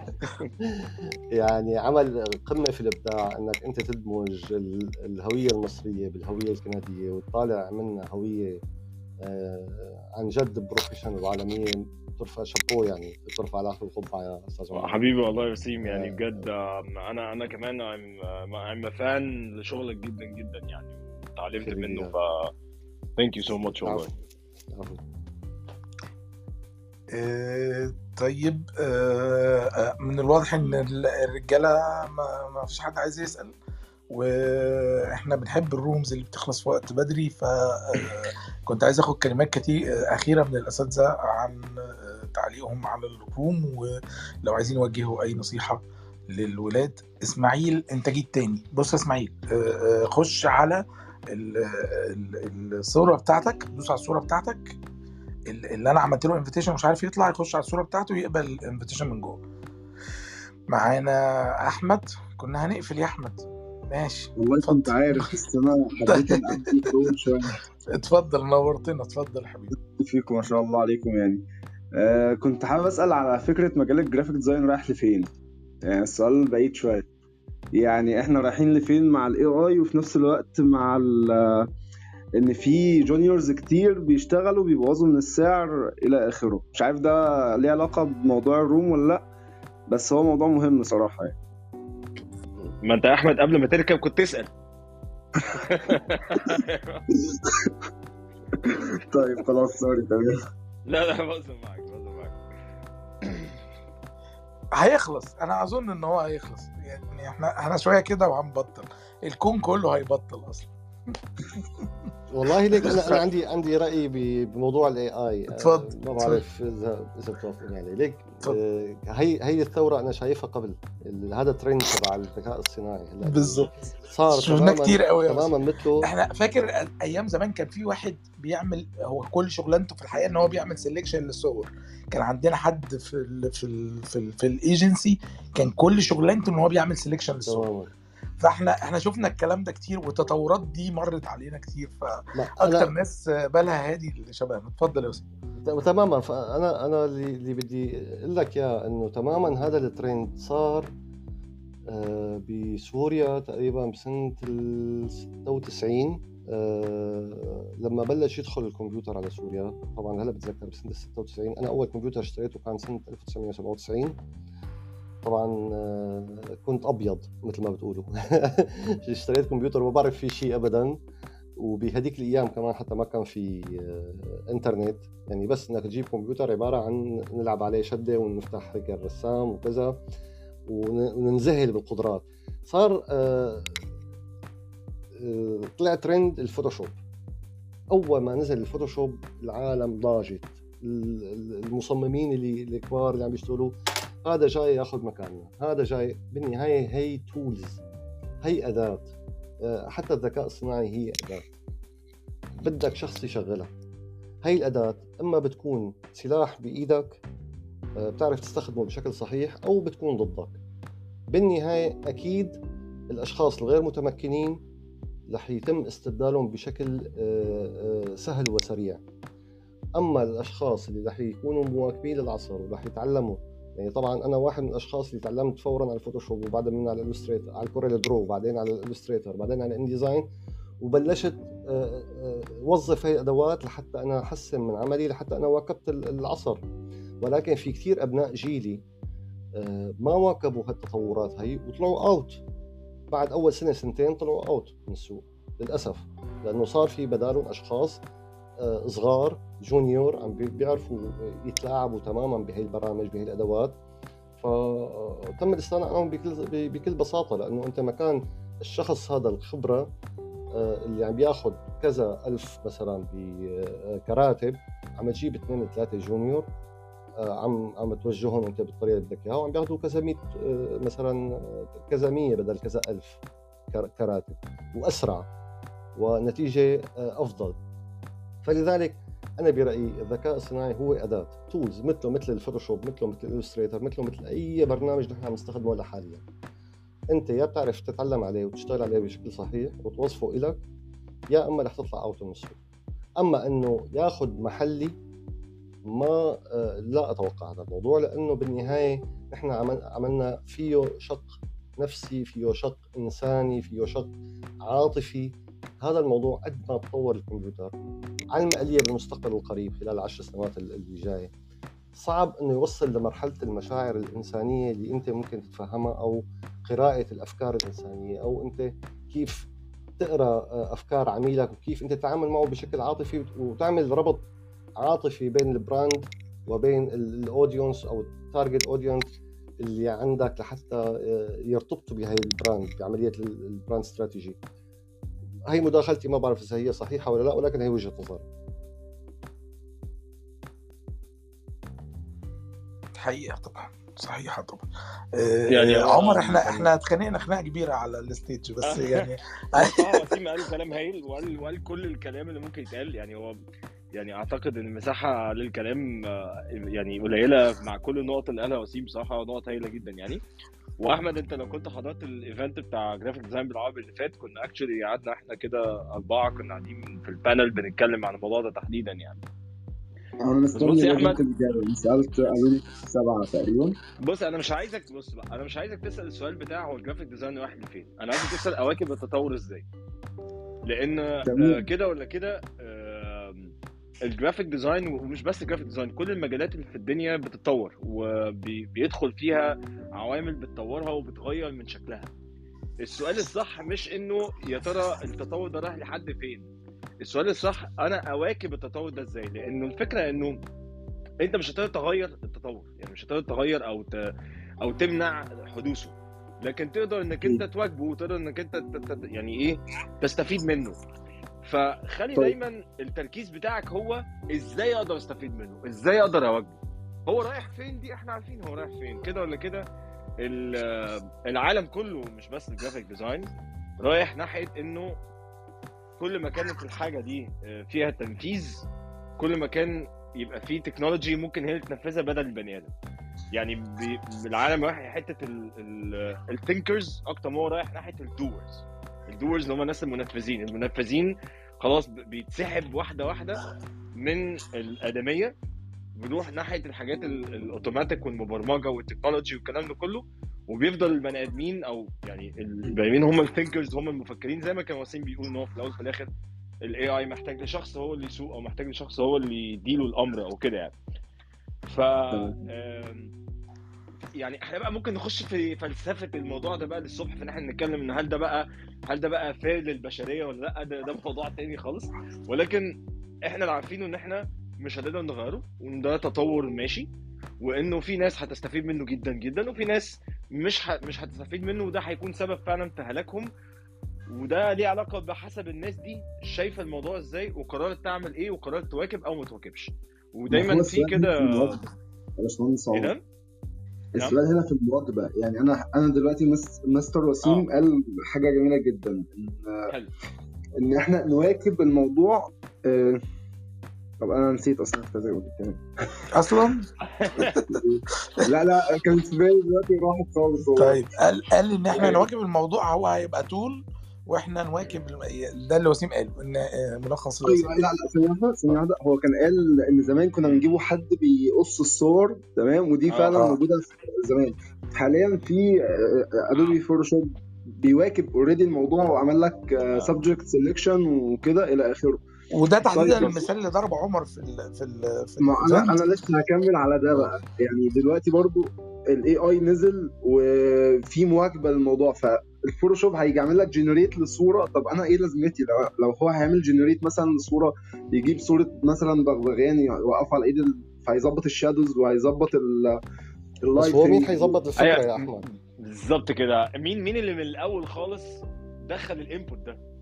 ما هيكون compositing بس؟ يعني دول أنا هيبقى compositing بس؟ لا لا. أنا لا composition بص يا سيدي. آه هو بص هو اللي هيحصل من الآخر اولا كده ولا كده؟ أنت ك designer أنت still مستفيد بإنك أنت عندك عين عين الفنان.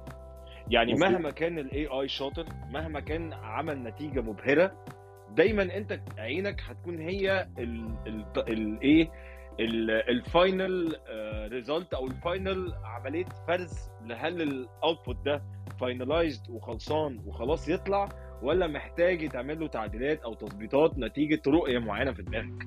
هو ده هو ده اللي عمره ما ال AI هيعمله. يعني يعني ممكن تصادفا يديك نتيجة نهائية وتبقى مبسوط بيها جدا وما تعملش عليها أي تعديلات. بس حتى لو ده حصل ما هي محتاجة يوم approval يعني أنت محتاج إنك أنت تاخد تدي للي طالع ده approval لأن عينك أنت أصبحت هي ال judge أصبحت هي أنت بقيت أنت الحاكم أو أنت ال judge على الحاجة اللي طالعة. والعميل عايز عينك. يعني هو مش عايز يعني العميل مش عايز directly يكون هو اللي بيتعامل مع ال AI أو هو اللي بيطلع النتائج. ان هو مش دارس ومتخصص زيك. هو هو هيبقى عارف إن أنت هتعمل ده بس هو عايز ومش فاضي. وعايز حكمك أنت.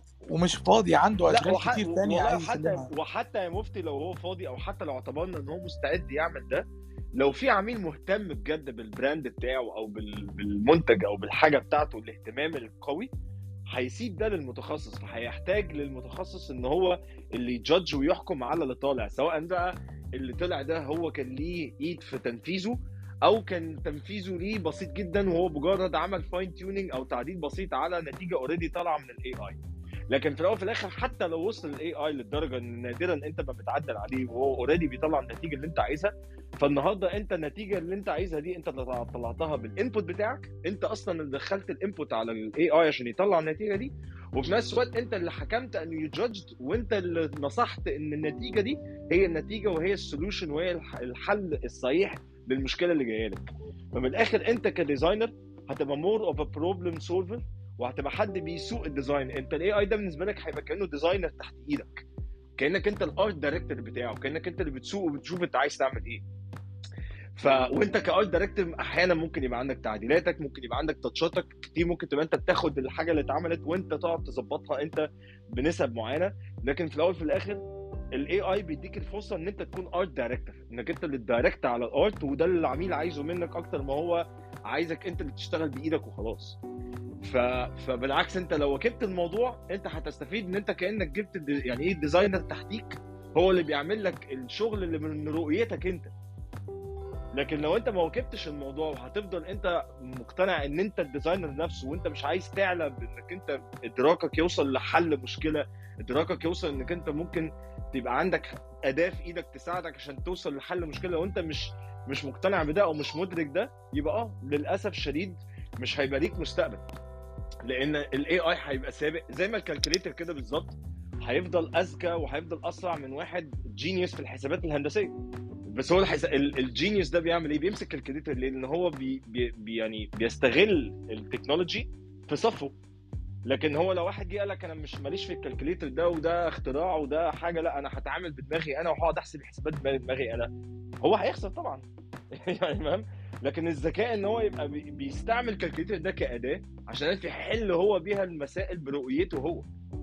وزي ما أنت وزي برضه ما تبقى عارف برضه يا أحمد هو في الأول وفي الآخر أنت بتستخدم النهارده some form of AI يعني أنت already وانك أنت معاك فوتوشوب فأنت معاك AI tool انت ان انت أقول لك حاجة انت انك تخش على Shutterstock وتجيب stocks مثلا بتساعدك أو حاجات فانت already كأنك معاك AI tool designs already معمولة أو أدوات already معمولة جاهزه لك أدوات إن انت تستخدمها. وزي ما وسيم كان بيقول هو فعلا زمان أول ما فوتوشوب طلع كل ال designers قالوا يا لهوي ده هيعمل لنا بقى replacing وإحنا هنبطل وبتاع. وخلاص الناس بتتعلم مع الوقت إن دي أدوات still عمرها ما هتكون هي ال problem solver يعني مش هي اللي هتحل المشكلة لكن هي أدوات بتساعد إنك تحل المشكلة وإن حلال المشكلة الحقيقي هو المفكر هو الشخص مش ال AI ال AI ما على عندوش emotions ما على عندوش فكرة عمر، innovation. أنا اللي كده؟ مستغربه والترند اللي طالع بال... بال... بالأوساط العربية آه، طبعا أنا بحكم إقامتي بألمانيا هذا الترند غير موجود بالوط... بال... بال... يعني بالغرب ما موجود. لحد الآن ما شفت ولا جروب من جروبات التصميم الأجنبية الألمانية اللي أنا فيها حكى عن موضوع الذكاء الصناعي أو إنه خافوا من الذكاء الصناعي أو إنه صاروا يطرحوا أسئلة إنه هل بالعكس تماما.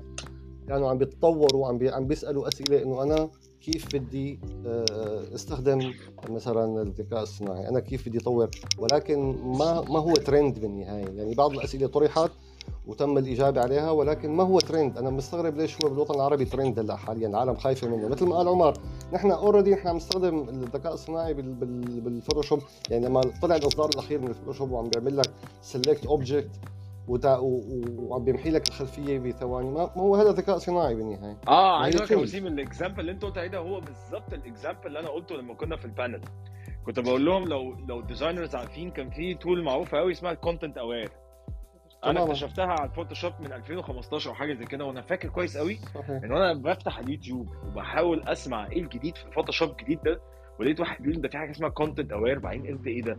قال لك إنك بتعمل selection على حتة فاضية في ال image وهو automatically بي fill ال image عايز أقول لك ال tool دي يا أحمد إحنا كنا بنقعد بالساعات بال stamp وال heal اللي هي الأدوات. ال stamp وال heal لو أنتوا عارفينها يعني أيوه عشان نقعد حصل والله نجمع آه عشان بالظبط عشان بس نقعد نجمع ال- الصورة اللي في الآخر. وأنا لما شفت ال- tool دي عايز أقول لك أنا ساعتها ما حسيتش التهديد يعني. يعني ما قلتش مثلا إيه يا لهوي بس كده. ده خلاص ده في ناس دي هتيجي تقعد مكاننا تماما. أنا شفتها as a great opportunity أنا قلت بس يا ده أنا مشاريعي بدل ما كانت بتخلص في ساعتين وثلاثه ممكن تخلص في ثانية. لأن في الأول وفي الآخر أنا عارف كويس قوي إن still العميل عمره ما هيقدر هو اللي يخش يعمل ده وإن لازم رؤيتي أنا ولازم فكري أنا. فبالتالي ده اللي خلى ده اللي خلاني أحس إن this is an opportunity. يعني دي فرصة. ما هياش threat يعني ما هوش تهديد تقلق منه إلا لو أنت أصلا شايف إن قدراتك أو قوتك الحقيقية في, في تنفيذك مش في فكرك. ولو أنت شايف كده يبقى دي فرصة إن أنت تطور من فكرك. تطور إنك أنت تبقى بت- بتبص بيوند التنفيذ وآليات التنفيذ في حل المشكلة نفسها وفي الرؤية نفسها. هو ده اللي العالم رايح ناحيته. هو هو أنا مستغرب ليش المصممين فقط اللي خايفين من الذكاء الصناعي؟ ليش ما الأطباء مثلا؟ ما أنت كمان فيك على فكرة الذكاء الصناعي ترو يعني حاجة في في النهارده راجل بتاع كاميرا أنا آسف يعني مقاطعتك يا وسيم. تفضل. آه، في راجل آه، في برضه من ال examples اللي قلتها قبل كده وبشوف إن هو example كويس قوي يعني. كان في واحد زمان قوي بيقعد جوه الهليكوبتر آه، جوه الهلي- الهليكوبتر فوق وماسك كاميرا وبيصور الأفلام من تحت. الراجل ده إيه اللي حصل؟ جم في يوم قالوا له طب يا جماعة إحنا دلوقتي عندنا كاميرا اسمها درون هي بتشتغل لوحدها بس في واحد تحت ماسك ال joystick في الفكرة بقى إن آه. الراجل اللي كان بيصور من فوق ده حاجة من اتنين. لو هو شايف إنه لأ إحنا أنا مش مقتنع بالتكنولوجيا الجديدة دي وهو he did not join ال ال ال أو ما عملش adaptation لل technology يعني هو ما ما قررش إن هو فعلا يواكب التطور ده. هيحصل إيه؟ الراجل ده خد خد يعني خد مرتبه آخر الشهر ومشي وما جاش تاني. وفي بقى اللي قال لك لا أنا هواكب التطور ده وبعد ما كان هو بيقعد فوق وماسك الكاميرا بقى واقع قاعد تحت وماسك ال joystick. وبقى هو اللي بي بي بي بي بيبقى عارف الكاميرا بتروح فين وجاية منين لأن هو عنده النظرة وإن هو في يوم من الأيام حتى كان بيبص على الدنيا من فوق فهو متخيل المشهد من فوق عامل إزاي. ف... ف... فدي برضه نقطة مو... ومش بس ده أنا ممكن أديك example الصبح. يعني البولينج مثلا زمان كان قبل ما يبقى فيه bars محطوطة كده لأ كان كان في واحد مخصوص أول ما الناس بت... بتحدف الكورة كان هو بقى ليه بيجمعهم بإيده كده ويحطهم. دلوقتي أنت تروح تلعب بولينج بتشوف الشخص ده ما بتشوفوش. بتلاقي الجهاز automatically راح إيه راح حاطط لك ال- العواميد بتاعت البولينج والموضوع خلص. ما ده يثبت إن الشخص ده ما بقاش ليه شغل. لا ما هي الفكرة بقى. ده لا هو اتعلم اتعلم على على على المكنة وهو صار يشغلها. بالظبط. هي بقى صح. هي فكرة في حاجة بقى. لو انت بتتكلم فلسفيا يعني دي بقى فعليا هي نقطة نقاش لوحدها لأنه فعلا في الأول وفي الآخر في ناس ربنا خلقهم بقدرات عقلانية معينة وبقدرات كظروف وكإمكانيات ما تسمح لهمش إن هم فكريا يقدروا يتعلموا أكتر من كده. والناس دي فعليا اتظلموا. والناس دي ف... وخلاص يعني زي ما تقول إيه دي دي من مظالم الحياة زي بالظبط مثلا ما أنت النهارده ماسك آيفون في إيدك أو ماسك سمارت فون في إيدك لازم تبقى عارف إن في 5000 عامل يعني يعني تم ممارسة معاهم جميع أنواع ال- اللي بنسموها إيه؟ اللي هو ال legal labor standards يعني اللي هو إنك أنت كعامل أو كحد تاخد حقوق حقوق حقوقك 100% بس it was necessary أو يعني للأسف ده كان مهم عشان أنت توصل لك ال technology دي عشان معاك موبايل زي ده فللأسف دايما في التاريخ كده وفي العالم في مجموعة من البشر بيتم التضحية بيهم. ومش هقول لك يعني إن دي حاجة كويسة بس للأسف هو ده واقع يعني. اللي عايز أقوله لك في الآخر إنه ليه أنا ما بشوفش إن الكلام ده relevant قوي في العصر اللي إحنا فيه؟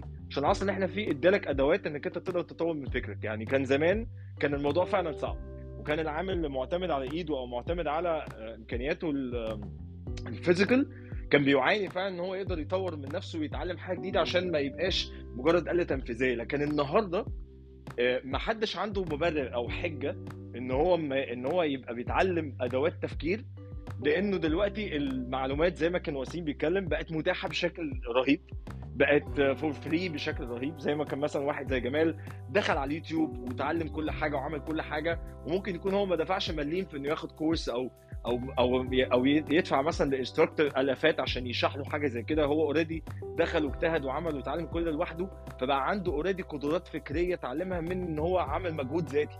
من غير ما يكون هو آه، والنت النهارده بقى يعني ما بقاش غالي. ال- الاشتراك مش غالي قوي. ف فأصبح صعب قوي إن حد يبقى عنده مبرر إن هو ما يطورش من من قدراته الفكرية عشان يعرف يواكب التطور. بس. بجد جزاك الله خيرا جدا. آه، أنا أصلا فعلا واكبت التطور دوت مع client جالي.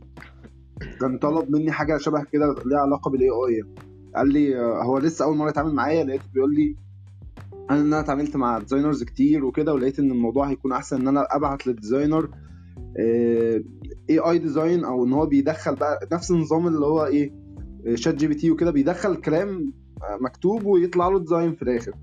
قال لي بس أنا محتاج منك تكتب لي ال typography هو طبعا قال لي عايز يكتب الكتاب اللي على.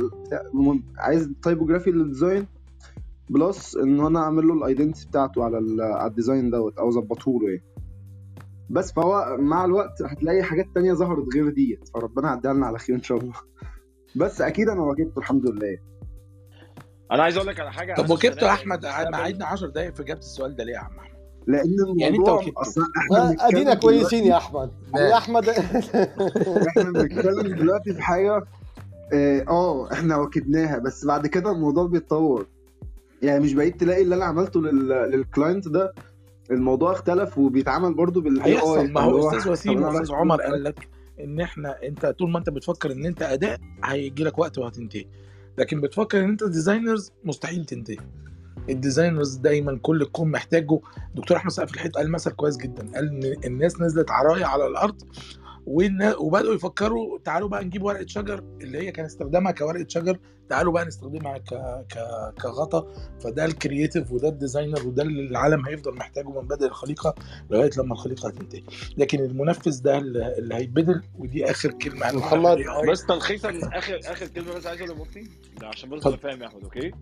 هو ال artist آه ال artist هيبقى replaced very soon تمام؟ وهيبقى الحل الوحيد لل artist إن هو ممكن يبقى still بيعمل فلوس هو انه يكون بيبيع مثلا لوح واللوح ساعتها اللي هي معمولة بإيده و crafted ممكن يبقى ليها طبعا سوق والناس طبعا تقدر.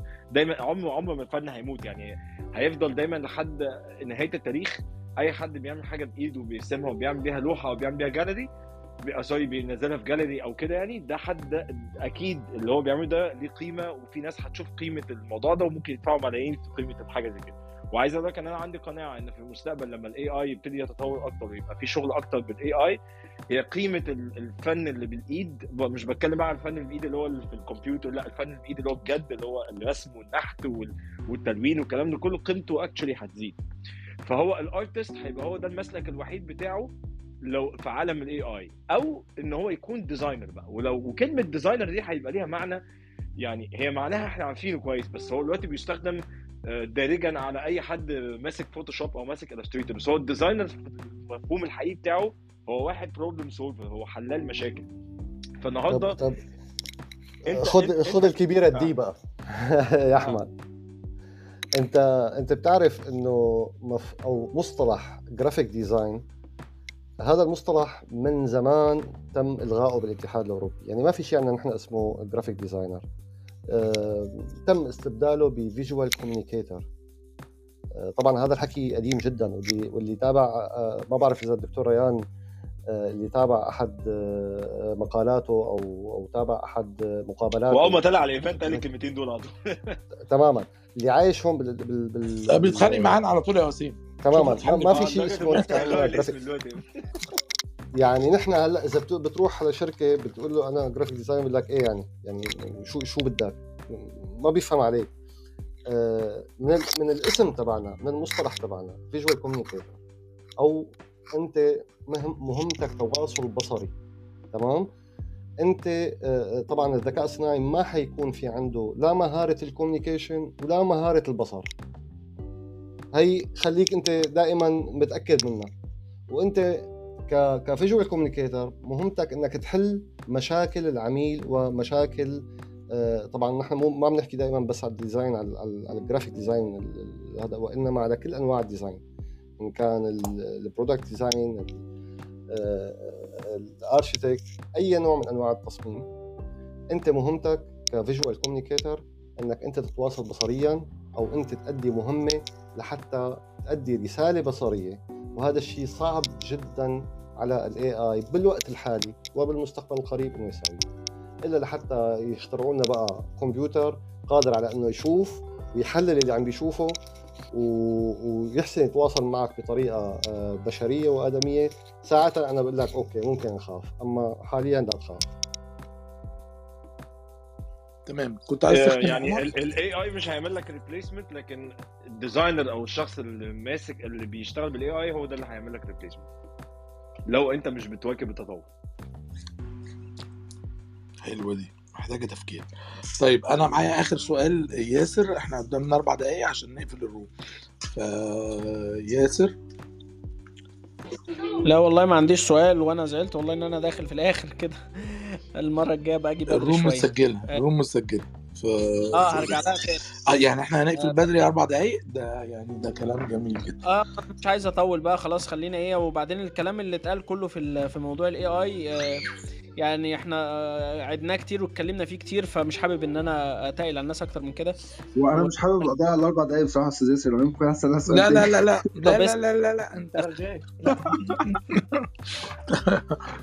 إحنا بس خلينا يعني في الآخر يا ابني اسكت يا يا عمي مفتي تبلش بالعشاء طولوا بالكم يا جماعة. خلينا المواصلات بس نروح بدري. الواحد ما بيصدق يلاقي والله ناس ناس جميلة والله. طيب ممكن نسأل سؤال أخير؟ بس. هو موضوع ال- الأسعار وإن مفيش أسعار ثابتة على ك graphic designer مثلا ده junior فسعره كذا ده senior ده سعره كذا ده mid سعره كذا. آه، وكل واحد طبعا ال junior بيجي قايل لك إيه أنا عامل لك design ب 20 جنيه. فتلاقي في واحد جاي يقول لي ده في واحد هيعملها ب 20 جنيه. طب ماشي ربنا معاك روح له. بس هو الفكرة إن هو في مبتدئين اللي هم أصلا كتار جدا جدا جدا بيدخلوا بقلب جامد كده اللي هو أنا عامل لك أي حاجة ببلاش. هو عايز يعمل project عشان يحطه عنده وهو أصلا مش هيعمله كويس. فبيأثر على الشغل. ليه ما يكونش فيه سعر ثابت لل لل design سواء مثلا بيبقى فيه أنا شفت حاجات بس موجودة زمان. مش موجودة دلوقتي أنا هقول لك يا أحمد. يعني مفتي ده ده موضوع كبير قوي مفتي ممكن تعمل له آه أسبوع آه. آه، لا لا وأنا عندي إجابة والله في آه أنت عيد سماع الروم وشوف الجيرني بتاع الجمال. ما تركزش في أي حاجة. ركز في سكتك. هي سكتك هي اللي هتجيب لك الفلوس وهتجيب لك العميل كويس وهتطلع منك الشغل كويس وسكتك بس. إن أنت بتطور نفسك بس. مالكش دعوة بقى بالظروف اللي قعدتك أربع سنين في مطبعة ولا بالظروف اللي دخلتك آه، متأخر على ايجنسي ولا بالظروف اللي خلتك أول ما قدمت في المسابقة خسرت. لا أنت ركز على سكتك وحدد أهدافك وفكك من كل حاجة. ولو ركزت مع ال community أنت هتتعب. ركز أنت عايز توصل لإيه. ال community آه هتلاقي حد طالع بيعمل لك reel على آه، فيسبوك أو على تيك توك ويقول لك آه، تكسب بالدولار إزاي والتسعير ما تركز. العميل اللي عايز شغل حقيقي عارف إن سعره مكلف وأنت ركز في تسعيرك. وفي بقى مواضيع كتير قوي نقدر نتكلم عن التسعير زي ما قال عمر في في, في روم لوحدها. آه، في النهاية أنا حابب بس عشان جمال قاعد معانا من بدري آه، آه، حابب أسمع منك ختام للروم دي. وهنسمع ختام من الأستاذ وسيم والأستاذ عمر وننهي الروم دي إحنا عندنا دقيقة. فأنت ليك مثلا إيه 10 ثواني. طب 10 ثواني هلحق أقول فيهم إيه طيب. خلص يا جمال. شكرا شكرا. شكرا شكرا لا والله والله بأمانة أنا سعيد جدا والحمد لله مبسوط للمستوى اللي وصلت ليه. إحنا إحنا اللي سعداء بيك يا جمال والله حقيقي. وشرفتنا. ونورتنا وإن شاء الله اللي جاي أحسن يعني. هو زي ما قلت هو كل حاجة بتيجي مع الوقت. بالنسبة لموضوع الفلوس ده بتيجي. يعني أنا اشتغلت في بحاجات كتير آه، اتنصب عليا فيها وحاجات ما خدتش فلوس بس كمل. هي هو السر إنك تكمل. مفيش فلوس النهارده هتيجي بكرة ما جاتش بكرة هتيجي بعده. بس يبقى عندك خبرة اكسب خبرة. ومع الوقت الفلوس هتلاقي اللي يقدر الخبرة اللي عندك والقيمة اللي أنت بتقدمها. بس. فده في عجالة سريعة. عندي إضافة معلش لو تسمح لي عندي لا لا ما في فيش يا ياسر ما فيش. ما, ما لا لا خلاص خلاص. طب معلش اسمح لي بس هقولها بس عشان الموضوع ده أنا دايما بسمعه فبيبقى عندي رد ما فاسمح لي معلش في, طب في يلا. بسرعة بسرعة. موضوع الفلوس ده آه، إحنا يا جماعة بنقدم خدمة. يعني المفروض إن إحنا نبقى عارفين إن إحنا مش بنقدم سلعة ولا منتج عشان يتسعر بحاجة معينة. مفيش دكتور أنت مش هتلاقي في الدكاترة مثلا الدكاترة ليهم سعر موحد الكشف بتاعهم كذا. لا هتلاقي في دكتور الكشف بتاعه ب 1000 جنيه وفي دكتور الكشف بتاعه ب 50 جنيه.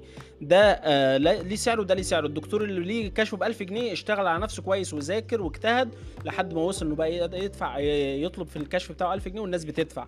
فاجتهد زي ما جمال قال دلوقتي اجتهد واشتغل على نفسك كويس وخلي ليك قيمة قيمة عشان تعرف تطلب اللي انت عايزه وبعد كده اطلب اللي انت عايزه. لكن انت ما تبصش لو بصيت للناس اللي بياخد خمسة ولا عشرة ولا عشرين آه، الناس ال junior اللي لسه بادئين في المجال هو already بيدور بس على انه ياخد شغل. هو هو عايز ياخد شغل فبينزل في سعره جامد. لكن انت لو ليك لو هو نفسه ده لو لقيته بعد كده وجيت تطلب منه شغل هتلاقي يطلب منك سعر عالي لأنه خلاص اشتغل على نفسه واجتهد. ده لو هو بقى اشتغل على نفسه يعني. هيطلب منك سعر عالي ومش هتعرف تعمل معاه شغل. بس فده ده ردي بس على صح. ال- الله ينور. تمام يا ياسر. طيب أستاذ وسيم كلمة نهائية. و... وإحنا عايزينك في روم بقى يا معلم. تفضل لنا نفسك. يخلي لي إياك أنا جاهز دائما. شكرا كثير لكم. آه كلمتي النهائية دائما وهي مقولة دائما بقولها آه لا تضيع وقتك بالبحث عن عملاء وإنما ضيع وقتك على بناء portfolio يبحث عنه العملاء. هي مقولة أنا دائما بذكرها لل- للشباب اللي بيتابعوني.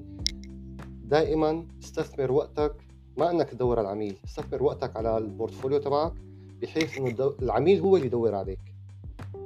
آه، لما أنت تروح عند فرضا زارا أو لما عميل بده يشتري من عند زارا ليصل لعند زارا بيكون مرق من قدام 100 محل شعبي.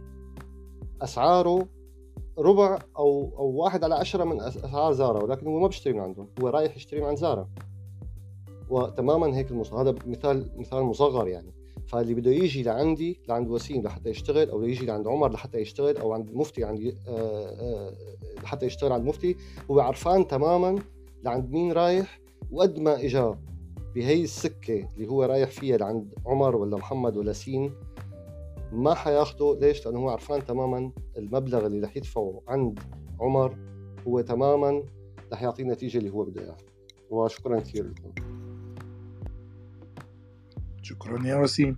آه أنا عايز عايز بس قبل ما آخد عمر أرحب بمحمد. إزيك يا أبو حميد؟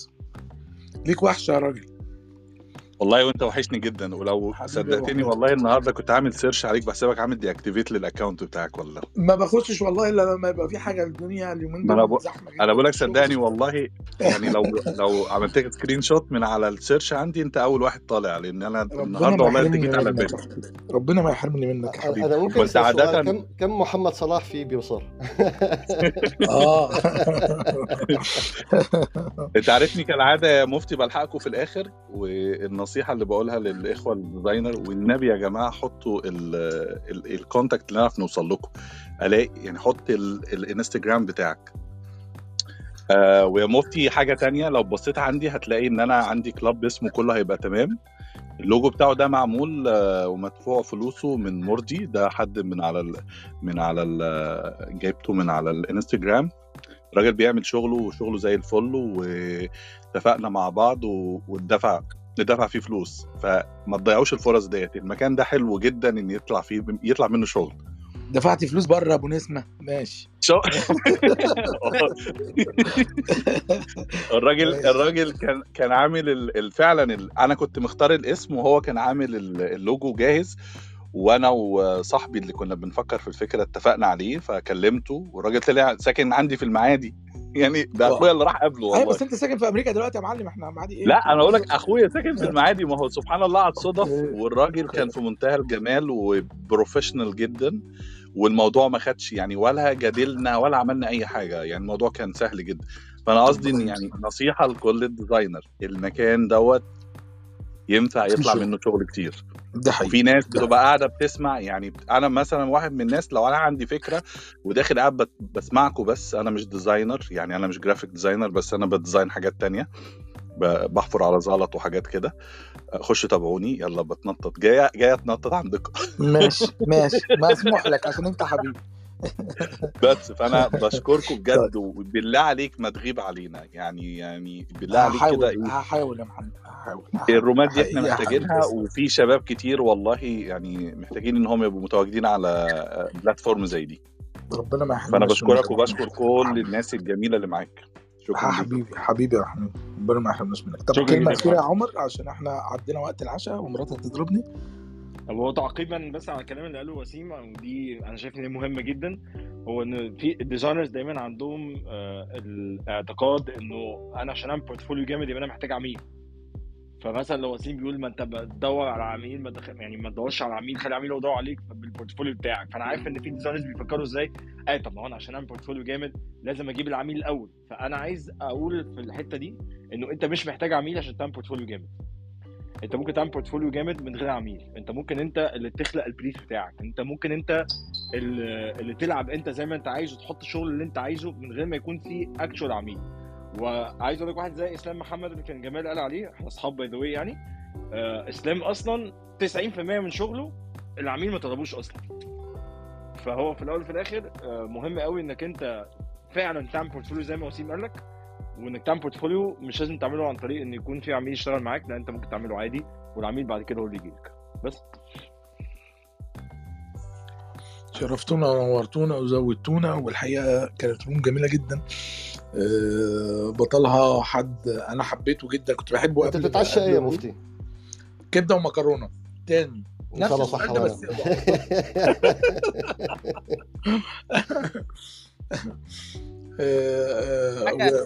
ما- معلش لما يبقى في room زي كده ولا حاجة زي كده يعني ولا share ولا ping ولا أي حاجة ثانية ولا واحدة كام أنا دخلت على ال insights دلوقتي لقيت مفيش share ولا واحد ولا share واحد حتى.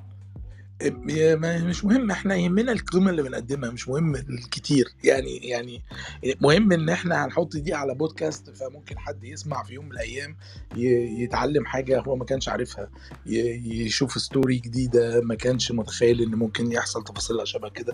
دي اللي إحنا بنقدمه ف... ف... إحنا عاملين على فكرة على الصفحة بتاع Graphic Design بالعربي عاملين announcement وأوعدك هنزود كمان في ال announcement أنا آسف هنزيد. مضطر أمشي. بجد أنا أنا مبسوط جدا بكل الناس اللي حضرت. نورتنا، نورتنا نورتنا. جدا يا وسيم والله شرف ليا بجد. ومبسوط باللي أنت عملته والله أنا ومبسوط فيك الناس شاء الله. ميرسي جدا يا إن جماعة. شاء الله. شكرا يا عمر. شكرا يا أحمد شكراً شكرا يا يا. آه، وسيم. وحبيبي جمال آه، وسيم انت ضفت لنا كتير النهارده بنشكرك على. وجودك. آه، وجمال حبيبي إحنا خلاص آه، بقينا اصحاب أصلا وكده كده الكونكشن بتاعنا مع بعض. وشرفتني ونورتني. انت فعلا مثل يستحق إلقاء الضوء عليه. ويشرفنا في Graphic Design بالعربي إن إحنا نلقي الضوء على آه، أمثلة شبه جمال للناس اللي بتشتغل بجد. ما بتبصش للظروف وما بتبصش إيه اللي حصل وبتكمل طريقها وعندها إصرار. دي اللي يستحق تسلط الضوء عليها. يا عمي انجز ال- ال- المدام بتاعتك هتودينا بداية. الكبدة ما لا ما أنا باكل ما أنا باكل وأنا بكلمك. طب اعزم عليه لا لا ما عمليش أنا في الكبدة ما حدش يجي جنبي. آه، شرفتونا ونورتونا والروم هتنتهي في خلال أربعة ثلاثة اثنين واحد. تصبحوا على خير. تصبحوا على خير.